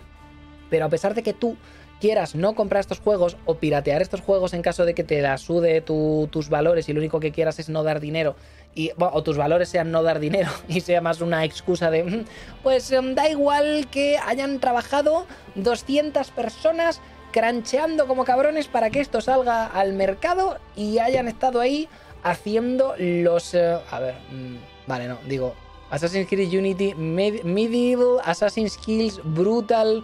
Vale, vamos a pichar esta. Vamos a ir cambiando porque así no se nos hace, así no, se nos hace largo.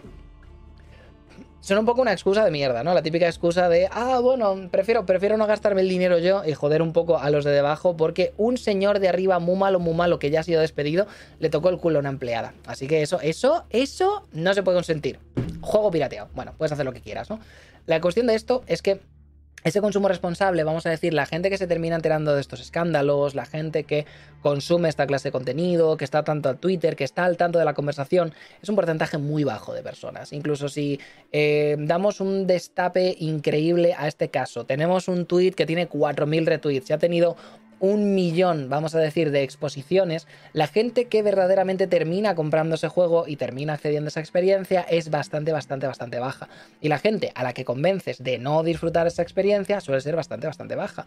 Al final, la gente que compra videojuegos es gente que se lo encuentra cuando va a un supermercado y, bueno, supermercado, unos grandes almacenes y dicen, anda, mira, eh, un videojuego, me lo compro.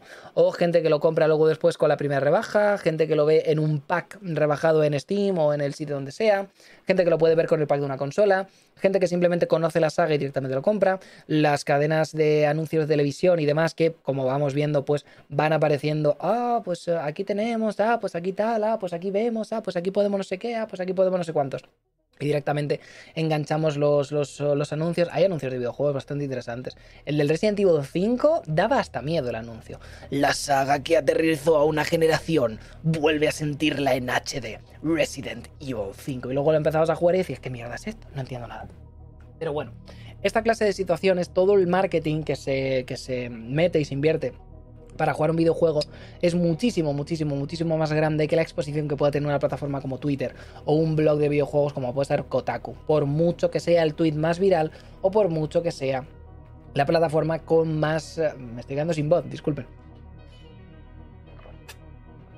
Tardo tanto en hacer un de un podcast a otro que claro, al final, al final me quedo sin voz. El, lo que tienes que meter en marketing, lo que tienes que meter para esta clase de historias es muchísimo, muchísimo más complicado no solamente el llegar a muchas personas, sino el llegar de forma continua a muchas personas. El asegurarte de que vas a ser la comidilla no durante un día una tarde o el tiempo que dure la cancelación específica, sino durante muchísimo tiempo. En la E3, en, la, en los Game Awards, en el momento en el que vaya a salir la semana de antes, dárselo, darle la clave a todos los influencers el tema de las reviews en el momento en el que salen, el tema de las reviews antes de que salgan, el tema de, pues eso, toda la publicidad para asegurarte de que el producto está en display, en display, en display, en display, en display, en display. Todo eso hace que el número de ventas que puedan mover o no puedan mover todo lo que sea este este mundillo del consumo responsable, del no podemos comprar porque hay que hacer un consumo ético de videojuegos y por tanto tenemos que privarnos de darle más dinero a Rowling o darle más dinero a Ubisoft o darle más dinero a X, suele ser bastante, bastante minoritario. Y que sea bastante minoritario es un problema porque al final lo que haces es privarte de una experiencia en la que ha trabajado gente que no todos serán unos forros hijos de la gran puta. Y directamente, joder, yo qué sé, se está jugando de Harry Potter, ah, mira, una varita de Sauco. y, tú preguntando así con el mando. Me pregunto si el, señor que ha hecho ese modelo en 3D de esa, varita de, esa varita de Sauco es un tremendo hijo de puta. ¿Ese señor le dará un beso a su madre el día de su cumpleaños o llevará meses rajándole la cuenta así por debajo y llevándose la pensión para gastárselo en puta, ¿sabes? O sea, a ver, em, hijos de puta va a haber siempre. Eso está, está claro. Y los hijos de puta trabajan y algunos de ellos diseñan en 3D y algunos de ellos diseñan, diseñan videojuegos. No podemos hacer nada al respecto. La cuestión de esto es, eh, ¿realmente te merece la pena privarte sabiendo que vas a ser un porcentaje muy pequeño de ese, em, e, e, e, ese juego que llevas esperando toda tu vida simplemente por no acceder al pensamiento de que un porcentaje minúsculo de esa compra que estás haciendo va a inflar las arcas de una terfa, por ejemplo. Si quieres hacerlo por principios, puedes hacerlo por principios, pero no es una parte del mercado que afecte. Así que cuando hemos estado hablando durante toda esta época del consumo responsable de videojuegos, ha quedado un poco lluvia sobre mojado, vamos a decir. Dicho esto, dicho esto, si todo esto ha quedado en lluvia sobre mojado, ¿existe un desarrollo, existe un consumo, existe un mercado que podamos entender como responsable, un consumo responsable de videojuegos, sí, sí que lo existe. Normalmente, los juegos que tienen que ver con un mercado independiente, con un nicho muy pequeño, que tienen equipos chiquitos, que tienen a lo mejor 4, 5, 6 personas, o directamente que son muy, muy, muy visuales, tanto con la gente que lo desarrolla como con la gente que está trabajando en ello, son normalmente los que necesitan más este apoyo que sí que es cierto que al no ser las grandes multinacionales y al no tener todas las herramientas de marketing y todas las herramientas que tienen estas grandes eh, empresas que están súper consolidadas, les puede venir mejor el 20 o 30 copias más o menos vendidas. Estos son los que verdaderamente necesitan, vamos a decirse, consumo responsable de videojuegos, que es lo que en la comunidad se lleva diciendo como un mantra el no se piratean los indies, ¿no? Los típicos que a medida que vamos avanzando y tenemos más dinero, quiero pensar que como jugadores tenemos la responsabilidad de saber que estos productos trabaja muchísima gente en ellos y eh, la industria irá mejor en caso de que paguemos nuestros videojuegos y paguemos un poco el contenido por el que consumimos. No solamente videojuegos, también series en Netflix, series en, lo que sea. La película de Mulan, esa la podéis piratear. Esta, esa, mira que yo soy súper anti-piratería, ¿eh? pero la película de Mulan, esa que eran 30 euros por verla una vez, esa, esa la podéis piratear. Bueno, la cuestión de esto es que eh, al final un poco esta campaña de concienciación termina calando en cada vez más individuos que deciden pagar un poco, sobre todo por facilitar el tema de precios más baratos, páginas de keys o whatever, eh, lo que vendrían siendo los um, por aquello que disfrutan, ya sea películas, series, videojuegos o whatever. Pero en el momento en el que eh, estás todavía en algunos los pirateo y otros no, algunos sí y otros no, no sé qué hay tantos, pues ahí la prioridad siempre suele ser la misma, ¿no? Eh, Disney Plus lo pirateo, pero Filming no. O eh, Assassin's Creed lo pirateo, pero Bastion no. O sea, esta clase de indies chiquitos que lo están arriesgando todo, que están tirando no sé qué, que están sacando adelante, que no sé qué, que no sé cuántos. Ahí es donde ese consumo responsable normalmente llega de parte del jugador. El saber que haces muchísimo daño en una industria pequeña en el que pues tengas un juego que te vaya a dar muchísimas horas de diversión y que sea bastante barato, cueste menos de 20, menos de 30 euros, pero no lo quieras pagar porque no pagas por videojuegos a pesar de que puede afectar realmente a la gente que lo está vendiendo, porque a lo mejor venden un número de copias eh, que se cuentan decenas al día, entonces una copia más que una copia menos les, les, les hace daño, ese consumo responsable es donde verdaderamente puedes apoyar esta clase de productos. Así que si estamos hablando de un juego independiente que han hecho muy pocas personas, o estamos hablando de los juegos que tienen eh, muy visualmente solamente desarrolladoras, o tienen gente de todos los colores del LGTBQ metidos en su desarrollo y aún con todo son gente muy abierta y muy presente en todas las conversaciones con esto. ¿Cuánto se ha hablado del tema trans con Celeste, por ejemplo? No solamente de parte de su protagonista, sino también de parte de todo el, todo el cariño que tiene, todos los temas de los que se hablan con conocimiento de causa dentro y fuera del desarrollo, dentro del gameplay, fuera del gameplay, en, los, en, la banda sonora, en, en el contenido que se hace para promocionar el juego, esta clase de historias. Esta clase de... Em, esta clase de presentación de un producto que le cuesta llegar a estos temas al ámbito del videojuego, porque normalmente pues el videojuego ha sido mm, lo que ha sido, le cuesta mucho llegar a esta clase de a esta clase de público, el hecho de poder abrirlo y poder llegar a un público más mayoritario o directamente poder cambiar un poco la perspectiva del jugador tipo que lleva toda la vida jugando a el tío blanco cachas en portada con más pelo, con menos pelo, con tal o no sé cuántos, pero esta, esta imagen típica en el que ves ahí a todos, a, todo el plantel de los grandes héroes de juegos de la PS3 y la Xbox 360 y son todos señores mazados blancos de pelo corto así de espaldas con pose intensito y una pistola en, en, el lado, ¿no? En el momento en el que vas cambiando todo esto y vas un poco jugando con el paradigma del juego indie para poder contar más cosas, el hecho de hacer un poquito, abrir un poquito la cartera o guardar un poquito de tiempo o algo así para jugar este tipo de, este tipo de juegos, ¿no? En el Sea of Solitude lo hemos jugado, Celeste lo quiero jugar, pero tengo miedo porque es el típico juego de quedarte enfrascado 10 minutos en un nivel y mm, el directo... Mm, el directo es el directo, vamos a decir.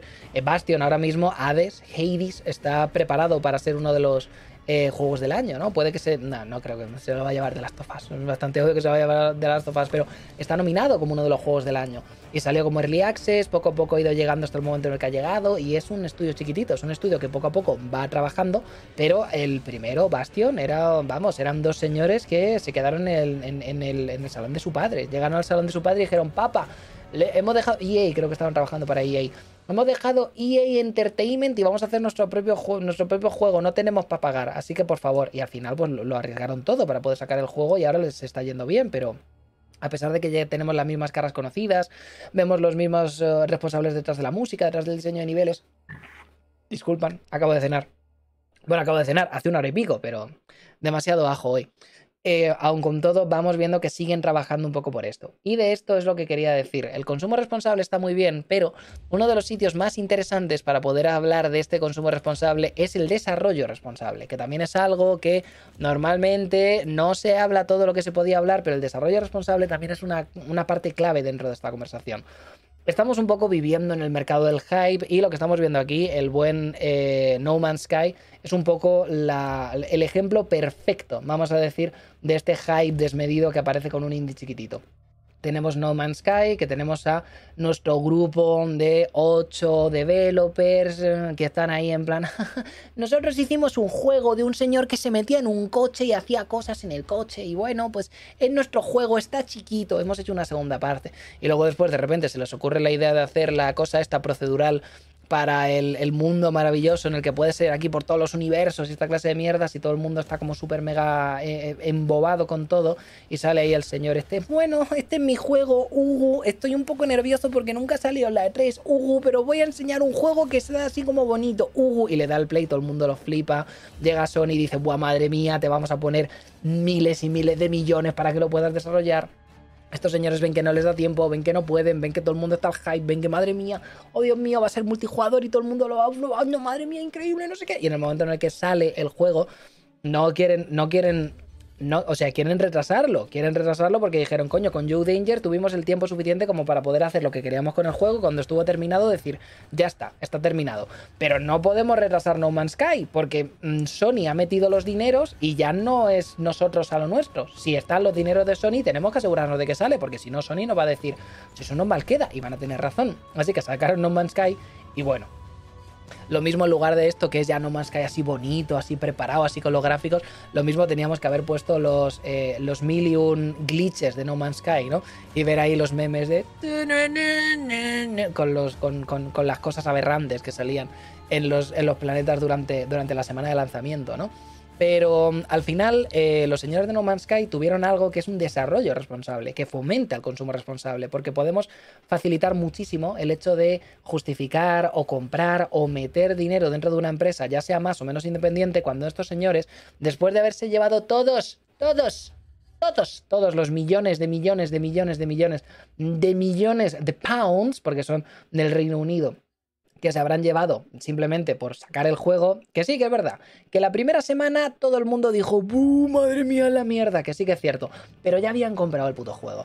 Entonces, siendo uno de los mejores lanzamientos que tenían en ese instante y habiéndose llevado todo el dinero, podían perfectamente haber empezado otra compañía, digo, joder, otra compañía, podían haber empezado otra empresa para cambiarse el nombre, podían haber empezado a jugar ahí eh, no, no somos los mismos de antes, realmente cambiamos, esto cambiar un poquito, ¿no? Lo típico de el, Blizzard North, que deja de ser Blizzard North y se convierte en Run Games, los señores que hicieron eh, Clink e hicieron eh, Torchlight 1 y 2, bueno, lo típico de estamos trabajando con unos señores, pero tenemos ahí un poquito de tal, un poquito de no sé cuánto, así que nos vamos, hacemos otra empresa y aquí nadie sabe absolutamente nada. Así que esa clase de historias.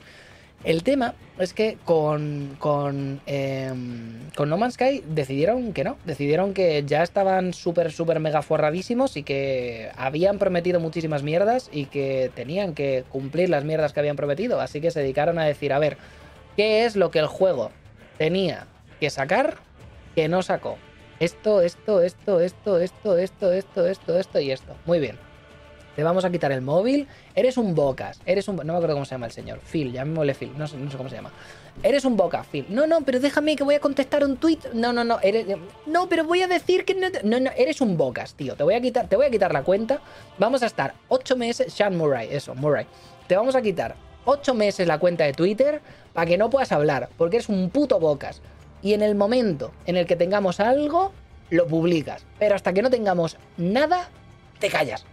Porque eres un puto bocas. Es que cada vez que has salido haciendo una entrevista en cualquier sitio, es que has salido en Conan O'Brien y estaba Conan O'Brien. Oh, entiendo, un videojuego, pero bueno, en el videojuego, ¿qué haces? Y te ha faltado decirle a Conan O'Brien que lo metías en la PS4 y te comía la polla. O sea, eres un bocas. Cállate la puñetera boca, te voy a quitar el Twitter, cierra el buzón y vamos a trabajar en el puñetero videojuego. Se pusieron a trabajar en el puñetero videojuego y después de 8 o 9 expansiones completamente gratis que vienen con el juego de base, ahora claro, No Man's Sky, coño, ha cambiado muchísimo, ¿no? Ves, ver las, las, las reseñas de No Man's Sky antes y las reseñas de No Man's Sky después de, Steam y es, que es otro juego, es otro juego. Y claro, todo esto no son pases de expansión, todo esto no es, buah, esto no sé qué, todo esto no es no sé cuánto, es simplemente el juego. Lo compras en la base y te a comer. Y coño, es increíble compararlo con el otro gran videojuego procedural gigantesco que no sé qué, que nos iba a partir el culo multijugador, etc, etc, de un poco este rollito que era Fallout 76, que bueno, ya sabemos cómo fue lo de Fallout 73, ¿no? Ya digo, ya, ya, sabemos cómo fue.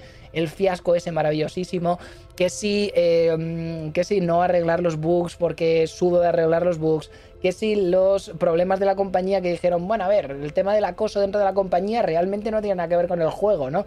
Que si el tema de sacarle el dinero a la gente, no permitir hacer devoluciones, a pesar de que se supone que cuando tenías que hacerlo tenías poder, la posibilidad de dar devoluciones, el vender emotes a precios inflados con una rebaja que es ilegal, que es ilegal, que es ilegal, que es ilegal, que si yo tengo un producto que vale 10 dólares, no puedo venderlo por 20 dólares y poner que está al 50% de descuento nada más salirlo, que es puto ilegal, que no puedes hacer eso, ¿sabes?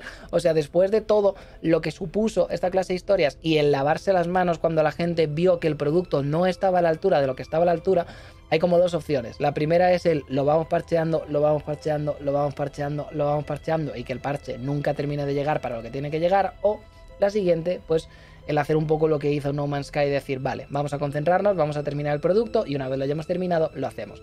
Hades es otro maravilloso producto similar a esto y Darkest Dungeon es otro maravilloso producto similar a esto. Son estudios muy chiquititos que querían dar una cosa muy específica y a pesar de una campaña de Kickstarter que pueda funcionar mejor o peor y tener bastantes problemas con su comunidad, poco a poco van construyendo y poco a poco van parcheando hasta terminar el juego que tenía. Super Giant James tuvieron el problema de que siempre habían sacado los juegos completos y a la gente no le hizo ni puta gracia que sacaran el Early Access precisamente porque sí, era un roguelike maravilloso, pero ellos se venían por una historia porque Transistor, Pyre, Bastion siempre ha sido la historia, la historia, la historia, la música, la música, la historia. Y de repente se habían encontrado como que parecía que estaban sacando los dineros y ya está. Y luego después el maravillosísimo caso de Darkest Dungeon, pues qué decir, ¿no? la comunidad acosando al desarrollador jefe cuando se había cogido dos días libres para ir al entierro de su padre. Pues bueno, gamers siendo gamers, rise up. Bueno, ¿qué le hacemos, no? Entonces, al final, el hecho de que estas empresas consigan decir, vamos a ver lo que prometimos, vamos a trabajar hasta que terminemos lo que hemos prometido y una vez tengamos un buen producto que presentar al jugador, vamos a empezar a trabajar en lo siguiente, es un poco ese desarrollo responsable que podemos encontrar dentro de parte de los, de los game devs. Y en el momento en el que este esta producción responsable ocurre, pues ahí es un momento bastante más bonito para poder pagar con la cartera, votar con la cartera, que se dice muchas veces. Si quieres más productos como este, págalos. Así que eh, consumos responsables de dejar de jugar a los juegos de Ubisoft o dejar de jugar a los juegos de la terfa de la Rowling va a servir bastante, bastante para una puta mierda. Porque el producto que se va a vender a la audiencia específica, que es o que accede, o sea, que es capaz de cambiar de opinión o que accede a esos tweets específicos, son muy chiquitos. Ahora, el producto que puede mover alguien que se ha tomado en cuenta su juego, que de verdad es un conjunto de comunidades LGBTQ o directamente de todas las razas y todos los colores dentro de la empresa, a pesar de ser indies y ser chiquitos, o gente que promete mucho pero termina tarde, pero termina cumpliendo todo lo que tal, ahí es donde verdaderamente pagar con la cartera puede ser interesante. Yo he pagado Aldous Gate 3 de Lyran, Studios. Yo lo he pagado. Yo lo he pagado. Yo lo he pagado. Es gente que ha hecho. Es gente. Agárrense a las nachas. Que ha hecho Divinity Original Seal sin 1 y 2.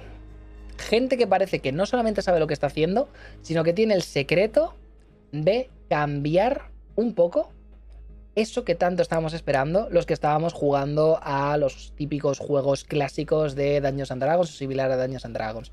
Arcana, no, Arcana o Arcanum, Arcanum, eh, Temple of Elemental Evil, eh, Baldur's Gate 1 y 2, eh, Planescape Torment, quizá un poquito más recientes, la saga de Shadowrun, eh, la saga de... Mm, la saga de Numenera, Tides of Numenera, toda esta, bueno, Pillars of Eternity también, todos estos juegos que parecía como que sí, pero no sé, pero no es tan bien, pero tal, pero no sé cuánto, pero al final Leiran Studios llegó y dijo, no os preocupéis, vengo yo aquí a daros Daños and Dragons quinta edición con eh, gente con captura maravillosa de tal, te puedes hacer todos los colores, toda la sexualidad de no sé qué, tal cual, va a ser increíble, y ahí estamos. Lo jugué, y me quedé diciendo... Bueno... Y han dicho, no, no, no, no, no, no, no, pero no os preocupéis porque dentro de un año va a ser mm, increíble. Dentro, dentro de un año, todas las clases, todos los colores, todas las razas, dentro de un... Bueno, lo mismo estoy aquí hablando, jaja, consumo responsable, jaja, no sé qué, y lo mismo, de, lo, mismo lo mismo después de un año, me como la polla dobladísima. Lo mismo me la como polladísima, pero bueno, ya veremos, ya veremos a ver en qué ocurre. Por ahora, simplemente, pues, em, decir que si pensabais privados de alguna de estas experiencias simplemente por estos temas, eh, pensad verdaderamente si os merece la pena. Y eh, si de verdad pensáis que merece la pena, pues aprovechad ese dinero e invertidlo en algo que sepáis que puede ser, puede ser bonito, vamos a decir para esta maravillosa industria, hacerla un lugar un poquito mejor, un poquito más bonita. Y por último, pero no menos importante, nuestro último mmm, punto del podcast se llamaba el fin del gameplay. ¿Y qué forma más bonita de hablar del fin del gameplay y hablar del principio del gameplay? ¿Y qué otro principio del gaming puede haber? Ay, no, es que yo que sé, a mí me gusta Willy Rex, se va a ser padre. Ni puta idea tienes tú. Ni puta idea. Ni puta idea. ¿Qué mejor? ¿Qué mejor comienzo del gameplay que un puto drog juega? Ninguno, ninguno. No existe ninguno más. Hola amigos, drog juega Lenderman. Bien, correcto. Em, el fin del gameplay, gente. El fin del gameplay. ¿Qué está pasando últimamente? ¿Qué está pasando últimamente que no puede uno meterse en Twitter tranquilo a ver su porno mañanero sin encontrarse con tweets y con hilos y con anuncios y con noticias que tengan que ver con que se acerca el fin del gameplay tal y como lo conocemos. Sobre todo para gente como yo, gente que se dedica a streamear, se acerca el fin del gameplay tal y como lo conocemos. Hay una cosa maravillosa en Twitch que son los clips. Si yo ahora mismo, por ejemplo, pues esto vamos a, vamos a pensar que es un tremendo dildo, ¿ok? Y digo, esto es como si Ubisoft hace así y saco un dildo y me empiezo a dar, a dar en la cara. Bueno, pues hay alguien que dice, oh, qué interesante el lince con una polla de goma dándose pollas en la cara. Creo que es algo que podré utilizar de aquí a un futuro, así que me lo voy a guardar. Hay una cosa muy sencilla que es una herramienta para hacer clips. Así que puedes coger 30 segundos de este directo y a pesar de que este directo no se resuba, a pesar de que este directo no mm, se archive en Twitch y a pesar de que pasen 3 meses y al pasar 3 meses el directo se borre, ese clip se quedará para siempre. Y tú podrás acceder a esos 30 segundos de ese directo todas las veces que quieras hasta pues que mm, deje de hacer algo por ti, vamos a decir. La cosa de esto es que esos clips muchas veces tenían música de fondo. Ahora mismo estamos con una música de Assassin's Creed, tenemos aquí el bueno de Jesper Kid que nos lleva acompañando el podcast entero y muchas veces se pone otro tipo de música. Ponemos música de Final Fantasy, un concierto de un concierto de, guitarra clásica con música de Final Fantasy o ponemos eh, los típicos chill, chill and, eh, Mario and chill o Zelda and chill o mierdas de estas para pues esta, esta música que no tiene copyright o tiene copyright pero no te van a demandar en caso de que la utilices y directamente pues nos dedicamos a hablar de nuestras mierdas con esta música de fondo. Pero si os vais a hace dos años antes, lo que teníamos era una gramola puesta. Entonces la gramola, madre mía, la madre mía, qué tiempos de la gramola, qué tiempos de la gramola. Estaba yo aquí hablando de cosas en plan, buah. ¿Sabéis que estamos en 2018? No hay una pandemia mundial y por tanto podemos irnos de vacaciones. Lo mismo, la semana que viene me voy a, a Liverpool, va a ser increíble. Y se escuchaba, él vive en las montañas, le gusta caminar. Increíble, rollo así, así a lo tal. A lo mejor estoy hablando en plan, ¡buah, madre mía, qué bien me lo estoy pasando en Manchester! Es una cosa loca. Estaba aquí eh, saliendo de un, del hostal y no olía a porro, no como cuando estaba en Dublín, que es que no había calle en la que no oliese a puñetero porro. Y se escuchaba, si te he fallado, te pido perdón de la única forma que sé. Era, era, una locura increíble. Cerveza, cerveza, quiero tomar cerveza. una detrás de otra. La cuestión es que la gramola controlada por el chat, muy a mi pesar, como podéis, ver en este rostro destrozado, muy a mi pesar, ya no puede estar con el control del chat. Porque eh, en el momento en el que terminas los directos, normalmente esos directos que tienen esas partes de música se mutean. Se mutean, ya no se pueden escuchar, y como ya no se pueden escuchar, pues a lo mejor estoy aquí hablando y de repente como que dejo de hablar y veis como que pues ya todo se va a la verga. Esto ocurría antes en Twitch y por tanto tenías que grabarlo y luego después subirlo a YouTube y que a lo mejor te quitaban la monetización o lo que sea, pero normalmente YouTube te deja que lo mantengas. A no ser que se pongan muy tontos con un poquito de. con algo del vídeo o algo así, que ahí ya sí que son un poquito más toca, toca, toca cojones. Pero lo que es el audio, normalmente dejan que subas lo que quieras y luego la música, se o sea, lo que gana la publicidad se lo lleva el artista que tenga los derechos de esa música. La cuestión de esto es que, claro, Aquí, eh, la cumbia otaku, joder, me acabo de acordar.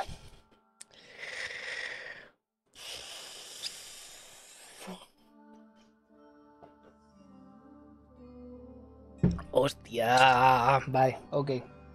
Recuerdo desbloqueado, chaval. Eh, la cuestión de esto es que eh, nos encontramos, vamos a decir, con el... Nos encontramos, vamos a decir, con el tema del... Em, me habéis, me, habéis, flasheado como en Men in Black, cabrones. Bien, nos encontramos con el tema de que los clips no había mm, posibilidad en Twitch de mutear lo que sería la música que se escucha dentro de esos clips. Así que, si yo mientras estaba haciendo lo del dildo y darme hostiazos con él en la cara, estaba sonando de fondo eh, Walk like, like, an Egyptian, eh, el, el, ending de eh, Stardust Crusaders, ese mm, ese clip se va a quedar con la música de Walk Like, an Egyptian. Y si ese tema se queda en ese clip, a mí luego Twitch puede venir y decirme demandado y me puede cerrar el canal, a pesar de que sea un clipazo de hace tres años. Esto ha hecho que muchos streamers, entre los que me incluyo, hayan borrado todos sus clipazos. Así que en un primer momento tenías que borrarlos uno por uno, pero Twitch, viendo que la gente estaba perdiendo sus cuentas, dijo, no os preocupéis, programamos un botón de borrarlos todos.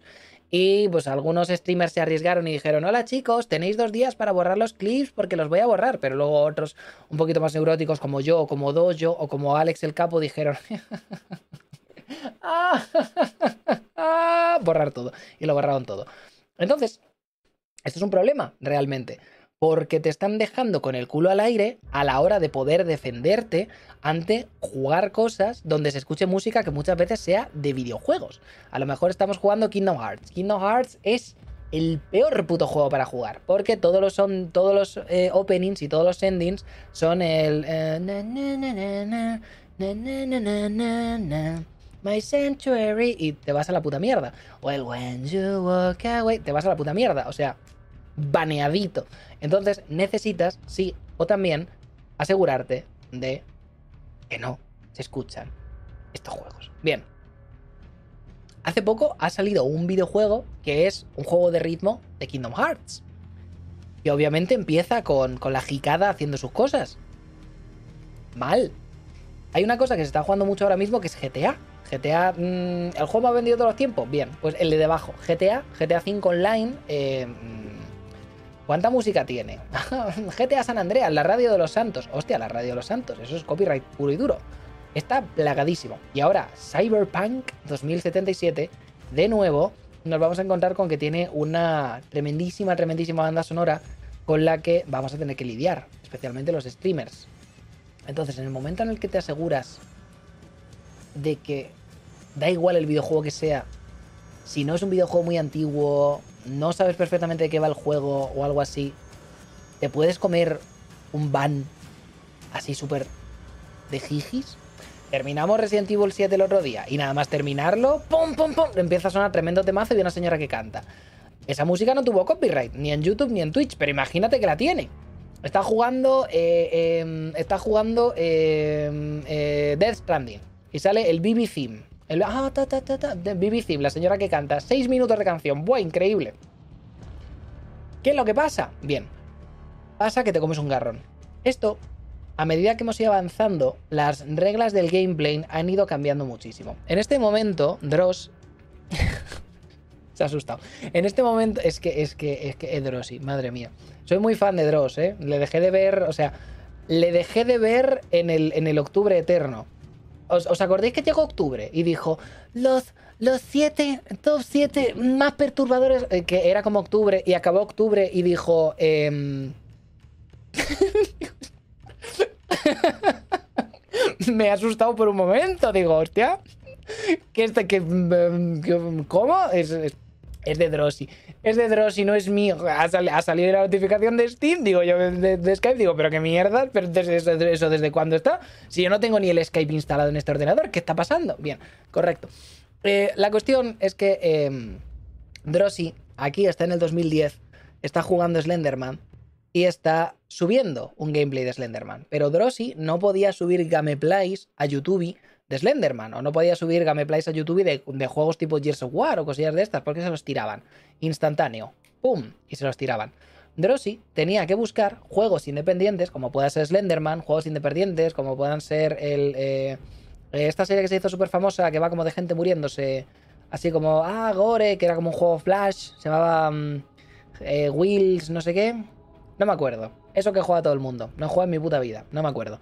Pero eso que juega todo el mundo que era como... Mm, Happy Wheels, eso, Happy Wheels. Había que buscar esta clase de juegos para directamente poder jugarlos y streamearlos, en este caso subir vídeos a YouTube porque la gente no se cabreaba. Pero en el momento en el que jugabas un Assassin's Creed o en el momento en el que jugabas esta clase de historias ya la gente se ponía muchísimo más tensa. No se puede hacer, prohibidísimo, no se puede, te tiramos el vídeo, te tiramos el canal, etc, etc, etc, etc. Llegó un momento en el que esto cambió el paradigma cambió, de repente todo el mundo podía subir lo que le saliese de los cojones y el tema, la ley de YouTube para poder poner tremendos vídeos hizo muchísimo más fácil que gente como Dross o gente como yo, que quería hablar de videojuegos y utilizar clips de cosas que no le pertenecían, pudiese hacerlo bajo Fair Use y esta clase de mierdas. Y ahí pues llegamos un poco al paradigma que tenemos hasta el día de hoy, en el que yo puedo eh, comprarme una PS5, puedo conectar la PS5 a la capturadora, puedo poner el eh, Persona 5 Royal y puedo capturar todo. La PS5 me va a decir, uy, esto no lo puedes capturar. Y yo voy a coger la capturadora y voy a decir, no tienes poder aquí. Y voy a mm, capturar todo lo que quiera, subirlo a YouTube y nadie me puede decir nada. Me lo pueden desmonetizar, se pueden quedar ellos el dinero y lo que quieras, pero no me pueden decir nada. Pero ahora es un poco más complicado, porque el Enderman Ahora es un poquito más complicado, porque ya nos fuimos a la mierda. Ahora ya no tenemos a Drosy jugando un juego independiente. Ahora tenemos eh, Cyberpunk 2077, con toda la música, con toda esta clase de historias. Aquí llegan los señores de Cyberpunk, saben que mucha gente va a directamente streamearlo y dicen, vale, ¿qué es lo que vamos a hacer con esto? Ya sé qué es lo que vamos a hacer con esto. Vamos a poner un modo streamer. Entonces, cuando lo vayas a empezar, puedes jugar modo un jugador o puedes poner modo streamer. ¿Qué significa modo streamer? Que puede estar integrado, como por ejemplo el Baldur's Gate, que tenía integraciones con Twitch para que directamente la gente votase en el chat qué quería que el personaje dijese o no dijese. No. ¿Significa que esto va a tener algún tipo de botín o alguna mierdecilla de estas, tipo una guild de delincuentes o mierdecillas de estas, que si te conectas en el chat a esa guild de delincuentes puede formar parte como si fuese un MMORPG? No. Significa que toda la música que tiene licencia, vamos a decir, de fuera de lo que es el propio juego, se va a cambiar por otra música diferente. Hostia. Problemoncio. A ver, no mucho, pero problemoncio, porque si hemos decidido que esta música se pone aquí, tiene una justificación de por qué esta música va aquí, y ya sea diegética o extradiegética, está contando algo de la experiencia que se está escuchando en este sitio. Joder, el claro de luna, por ejemplo. Pam, pam, pam, pam, pam, pam, pam, pam, pam, pam, pam. Pam, pam, pam, pam, pam. Jugando al Devil Within, tío. Devil Within. Claro, de Luna, de Debussy. Es Devil Within. Es ese momento de descansar, ese momento de. ¡Ah! por fin, no hay monstruos, me puedo venir aquí a que me lobotomicen un rato. O sea, si le quitas la funcionalidad estética que tiene esa música, es muchísimo más complicado el entender luego después cómo o qué, el propósito que va a tener eso dentro de la experiencia. Y además de esto, le pones que muchas veces el tema de lo que se está hablando, de lo que se está escuchando, es importante para un análisis específico de un reviewer específico, ya termina de joderla. Yo dentro de poco quiero hacer un. Bueno, dentro de poco, para el año que viene ya, porque es diciembre, eh, quiero hacer un vídeo de The Last of Us. Y quiero comparar The Last of Us 1 y The Last of Us 2 con el tema de la música diegética, cómo te cuenta cosas de los personajes a través de la música diegética que se escucha. ¿Qué quiere decir esto? Que muchas veces Joel está dentro de un coche, pone una canción dentro del coche y la canción que pone dentro del coche nos está contando todo lo que tenemos que saber de lo que está pensando Joel y lo que está pensando Ellie. Simplemente dándole el play con la, el casete de mierda que ha cogido dentro del coche, que es una opción pensada para precisamente hacer eco de todo lo que está ocurriendo y poder construir un poquito mejor todo lo que sea la trama del juego. Son muchos momentos en el 1, muy pocos momentos en el 2. Y yo quiero hablar de eso, pero quiero hablar de eso no solamente para no hacer el mismo puto vídeo que ha hecho todo el mundo de Eli, Incel, Abby, no sé qué, Joel, no sé. O sea, yo no quiero, no quiero hablar de la misma dinámica, quiero hablar de estas dos cosas, que son puntos que para mí eran como súper claves, que en el 2 hay dos y en el 1 están mucho más repartidos y tienen muchísimo más peso. Así que quiero hablar de ello, hacer una comparación directa y ver un poco qué es lo que puedo rascar de ahí. Pero ¿por qué quiero hablar de eso? Porque mm, mientras lo estaba jugando he dicho, hostia, esto en el 1 fue así y esto en el... ¡Bubis! ¡No! Espérate, voy a avanzarlo un poco. Que esa es otra, que esa... ¡Joder! ¡Dios mío! Que esa es otra, que esa es otra, no se puede. Em, precisamente por eso, ¿no? Porque quiero llegar a... Mala suerte, ¿eh? Quiero que llegue el momento en el que pueda jugar un videojuego y no tenga que jugarlo en stream y fuera de stream antes de poder adquirir la misma experiencia. Entonces, lo del modo streamer del Cyberpunk, Cyberpunk, ¿es un no os preocupéis, streamers, que os tenemos panas? ¿O es un a partir de ahora va a haber dos formas de consumir este contenido? La de verdad, la buena, la que queremos que el mundo tenga, porque todo esto está puesto y está pensado para que verdaderamente tenga un peso y un impacto, o la cutre, en el que llega el momento en el que tiene que sonar el BB Theme en, en, em, en Last Stranding y en lugar de sonar BB Theme suena música de ascensor. Eso es un problema. Eso es un problema.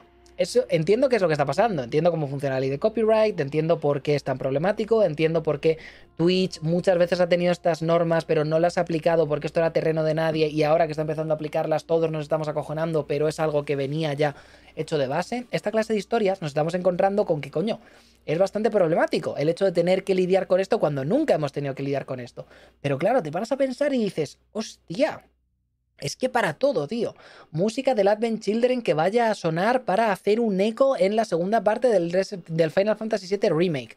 The Price of Freedom para cuando salga un flashback que tienen que conectar con el Crisis Core que va a salir con no sé qué todo lo que tenga que ver con ese supuesto remake que se dice que se va a hacer de Metal Gear Solid cuando vuelva a salir alguna de las muchísimas canciones maravillosísimas que tiene eh, Metal Gear Solid que vuelva otra vez a salir con letra porque a Kojima le flipa la música. Em, em, productos tipo Suda 51 que son muy, muy, muy, muy, muy de tirar a esa música macarra y a evocar y esta clase de historias. El último juego que jugamos que puede dar problemas con esta clase de historias, Bayonetta. Moon River, Fly, o sea, ahí ya la cagamos, porque coño, eh, Moon River, o sea, no, no, no, no puedes, no.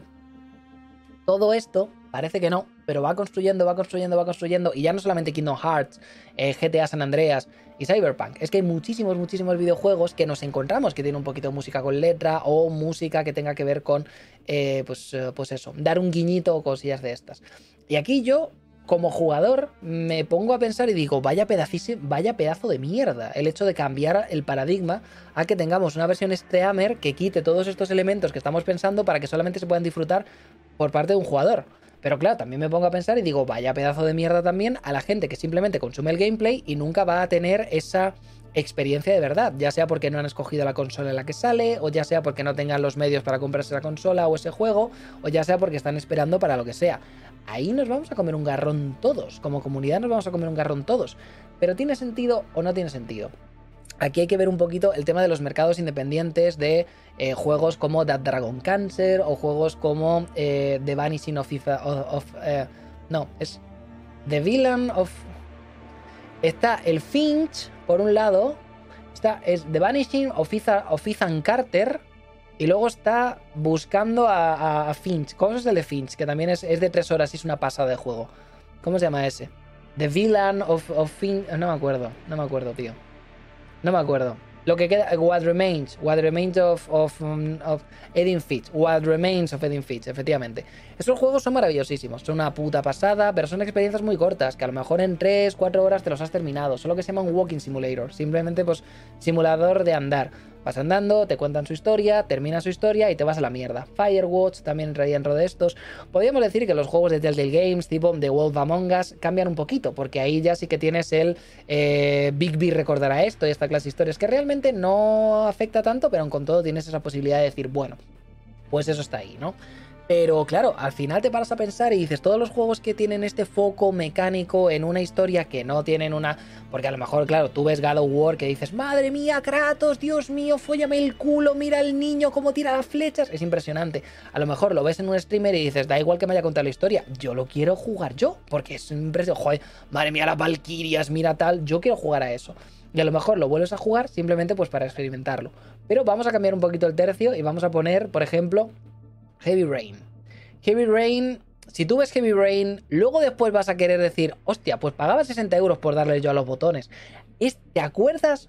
¿Te acuerdas cuando el padre estaba por el supermercado y le daba la X y cuando le daba la X decía, John, yo quiero, yo quiero darle a la X, yo quiero experimentar ese darle a la X y que se escuche? A lo mejor no, ¿no? Entonces, ¿hasta qué punto estos juegos, estas experiencias que se concentran en una persona, un jugador, una historia, se benefician o se dejan de beneficiar de el tema de que un streamer haga todo el puñetero juego de principio a fin y ellos no vean ni un puñetero duro. Que es algo de lo que también se ha hablado últimamente. Del tema de que si yo quiero poner una película en mi agencia de. en mi. en mi. en, mi. En mi, pues, en mi emisora de barrio de televisión que ven a lo mejor 800 personas, yo tengo que pagar eh, por la licencia de esa película que quiero poner en Em, canal Andalucía a las 6 de la mañana. Yo tengo que pagar por esa licencia, a pesar de que lo vaya a ver pocas personas. Pero si Ibai quiere ponerse a jugar, eh, yo qué sé, de Vanishing, de of Ethan Carter, que no creo que quiera, pero en caso de que quiera hacerlo, lo mismo está retransmitiendo 50.000 personas y no tiene que pagar una puta mierda. Mm, ¿Por qué es así? ¿Por qué nos hemos acostumbrado a que para películas y para series no se puede hacer, pero para videojuegos eh, hay vía libre. Ahora mismo en Twitch, todos los sábados en mi canal estamos viendo películas. Ayer sábado vimos Oblivion, en Oblivion de 2013 con eh, Tom Crucero haciendo sus cositas. Madre mía, Tom Crucero. Madre mía, Tom Crucero. Madre mía, Tom Crucero. Qué cara, qué cuerpo, qué culo, qué todo. 51, 51 años tenía el hijo de puta ahí. 51 años, está, está, está en mejor forma que yo con... bueno, no tengo 32 años, pero cuando tenga 32 años, eh, eh, ese señor tiene 20 años más y va a estar en mejor forma física, mejor de piel, mejor de absolutamente todo. Increíble. Es, lo ves en pantalla y dices, no, este señor tiene 38 años, no me creo que tenga 51. Una puta pasada. Lo estaba viendo aquí con mis panas. Y no lo estábamos viendo en el sentido de que yo estoy como ahora compartiendo ahí la esquinita y yo estaba compartiendo la película. Lo estamos viendo con una cosa maravillosa en Twitch que se llama Party Watch, que básicamente es como que si tú tienes Prime y yo tengo Prime, yo le doy play en mi Prime y tú en tu Prime te da play en tu Prime para tal. Entonces, lo que estoy retransmitiendo es solamente mi careto, en plan Harry Potter, ¿sabes? O sea, estoy solamente yo ahí saliendo en pantalla y luego al lado aparece tu Prime con tu contenido en tu cuenta y simplemente va sincronizado con el mío está muy bien, porque es como, joder, qué bien, podemos quedarnos, podemos hacer un party watch, podemos estar aquí hablando, sigue siendo directo, estamos viendo no sé qué. La gente, mucha gente se ha visto The Voice directamente así, directamente con su streamer favorito y aprovechando para reírse y pasárselo genial viendo esa puñetera serie. Y todo lo que está sacando eh, Prime, ahora mismo Amazon Prime, está tirando mucho de los streamers, porque eh, son otro, otro front de marketing, vamos a decir. Ya no es solamente la televisión, ya no solamente Twitter, ya no solamente lo que paguemos en la. Em, salir a la calle, ¿te acuerdas? Yo no. Eh, salir a la calle y que la gente lo vaya viendo en las marquesinas, ya no solamente es pagar eso, sino que los propios streamers van a ser los que van a decir, vamos a ver The Voice y ponerse los, los muchachos y ponerse a ver los muchachos con esto.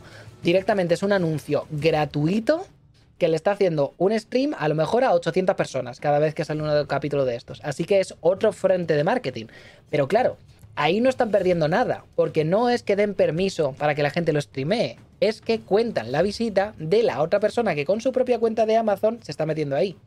Y la gente dice, ¿Cómo podríamos aplicar eso a videojuegos? Primero, deberíamos aplicar. No, primero, ¿podemos aplicarlo a videojuegos? Y segundo, ¿deberíamos? Después de saber si podemos o no podemos. Entonces aquí la gente dice. ¿Qué te parecería si, por ejemplo, si estás jugando a Cyberpunk 2077, en el momento en el que pones en la categoría de Twitch Cyberpunk 2077, un porcentaje de la publicidad que se va a generar mientras estás jugando ese juego, en función de la publicidad que se genere, se va a el developer que haya hecho eso. Entonces, yo estoy jugando un juego súper de nicho, como por ejemplo Assassin's Creed 1 eh, para la reseña y lo ven 500 personas. Pues bueno, un porcentaje de eso chiquito se va a Ubisoft y otro porcentaje me lo quedo yo y otro porcentaje se lo queda a Twitch. En caso de que estemos jugando Cyberpunk y lo esté jugando el Rubius y tenga a 70.000 personas, obviamente el dinero que va a generar va a ser bastante más sustancial. Así que ahí ya directamente se va la compañía y esta clase de historias. Ahora se está hablando de eso. Se está hablando de si vamos a tener que necesitar el dar un poco todo esto para poder compartirlo. Pero claro, ¿cuál es el problema de esto? El problema está en que eso a lo mejor lo podemos hablar para gente que yo, pues está aquí un domingo por la noche con 700 personas, o lo puede hablar eh, pues gente rollo que está con miles y miles y miles y puede generar dinero con, con publicidad. Pero en caso de que lo estemos viendo con un chaval que está para cuatro personas, que son él, porque tiene el bot de moderador y está ahí medio metido, son él y sus tres panas, ¿en qué momento ese señor va a pagar o va a dejar de pagar una puñetera mierda? En caso de que no puedas acceder a los últimos juegos porque necesitas una licencia para poder hacer Steam de estos juegos, ¿Estás poniendo las puertas a Twitch para que solamente puedan crecer las personas que están ya establecidas y no pueda nadie empezar, a no ser que haga yo que sé, speedruns de Mario 64 o alguna miercilla de estas, y luego después una vez consiga el partner o consiga el afiliado, cambiar a esa licencia, tener la posibilidad de comprar la licencia de los videojuegos? Hostia, esto ya no sería solamente el vamos a cambiar la industria para asegurarnos de que los developers se llevan un poco de dinero. Esto también sería un vamos a cambiar la industria del entretenimiento en Twitch para que sea muchísimo más complicado subir antes de poder hacer gameplay de cualquier tipo de videojuegos. Que sería un poco volver otra vez a los orígenes, de volver otra vez a ver a Dross en 2010 jugando juegos que sabe que no le van a demandar, como puede ser mm, Slenderman, pero hacerlo en Twitch. Saber la gente que echa los videojuegos y que dicen, nosotros, si no pones la categoría que tienes que poner, no te vamos a demandar. Así que no necesitas el darnos un porcentaje de lo que tal, así que lo puedes enganchar con esta clase de historias. La música a tope, lince. Está, está muy alta la música. Discúlpenme ustedes. Déjenme que cambie de canción. Estamos de Brotherhood Escape. Estamos ahí, el, tremendo escape de la hermandad. Sí, esa, esa canción es un poco como Venice Rooftops en el segundo. Estabas ahí en, estabas ahí en, el, en, el Assassin's Creed 2 en plan